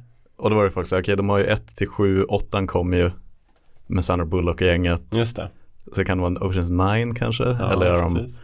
ehm, Ocean Zero. Ocean Zero, exakt. Och där har vi återigen en serie som inte tycks dö liksom Ja. på något sätt.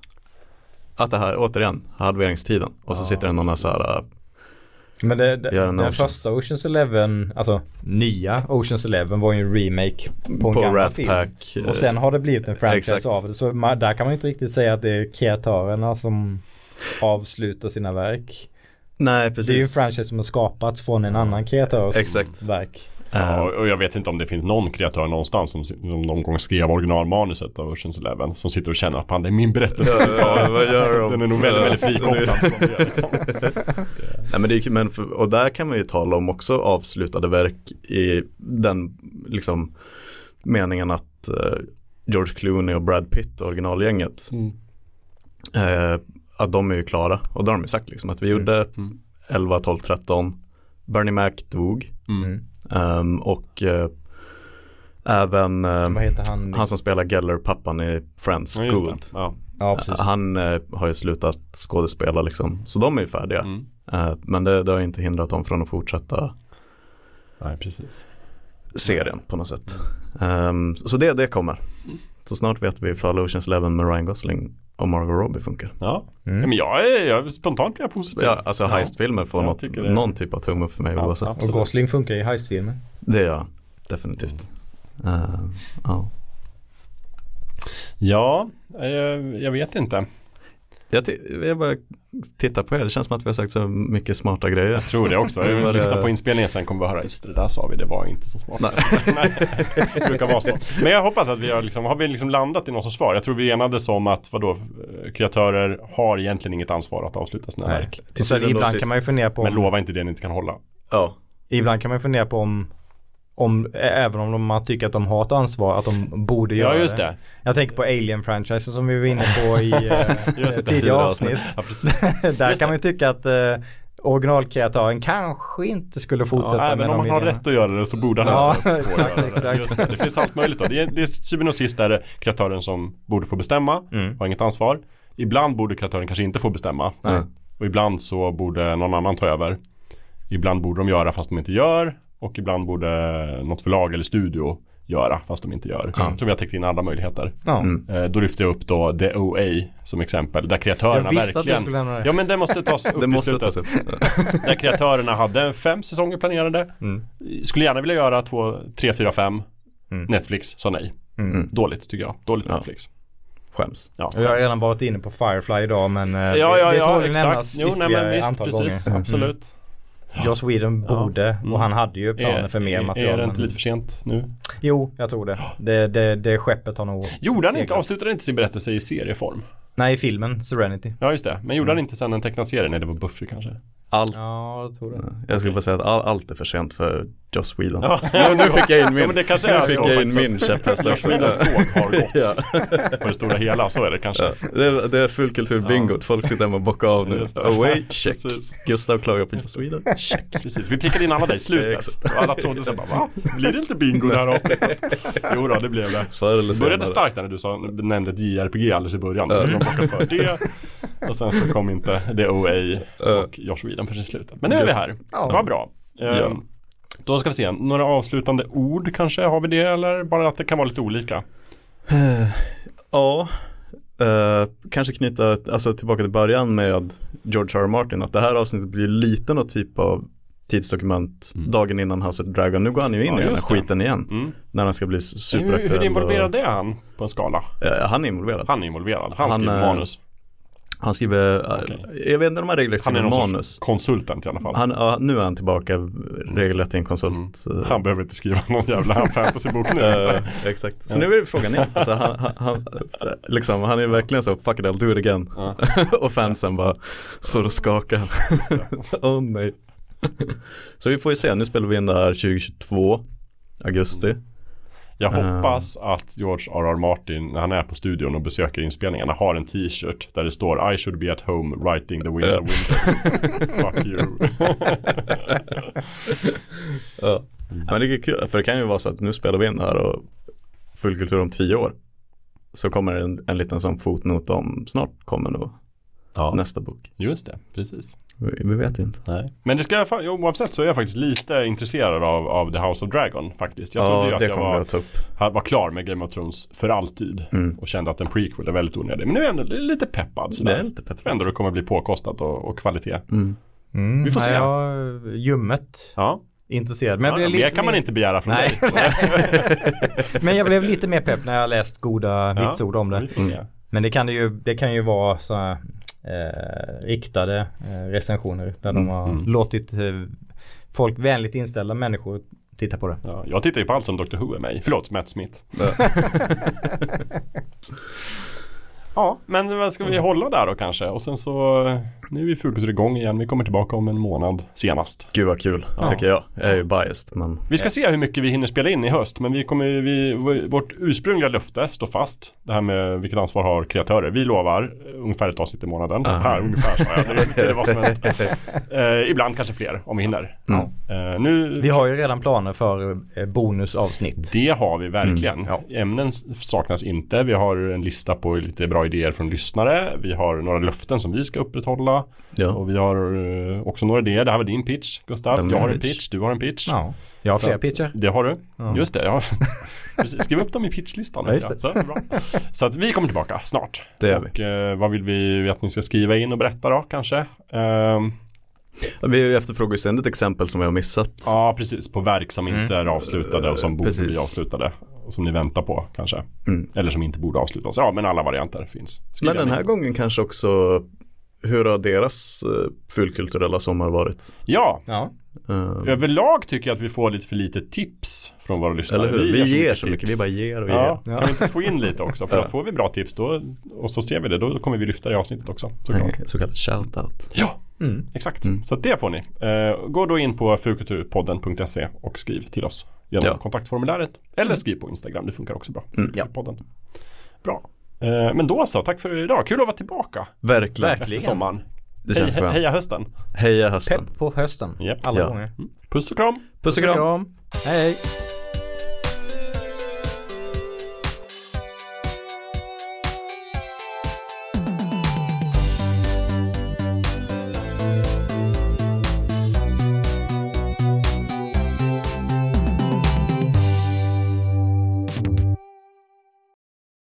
Jag heter Andreas och kommer från Blekinge skogar. Oj, oj, oj. Där händer grejer ska ni veta. Perfekt. Funkar det? Ja, Mm. bra. Samma sak med mig också. Perfekt. Ja, Mm. bra. Vi ska nog alltid spela in på söndagar. Jag, Jag tror det. Jag låter mycket trevligare.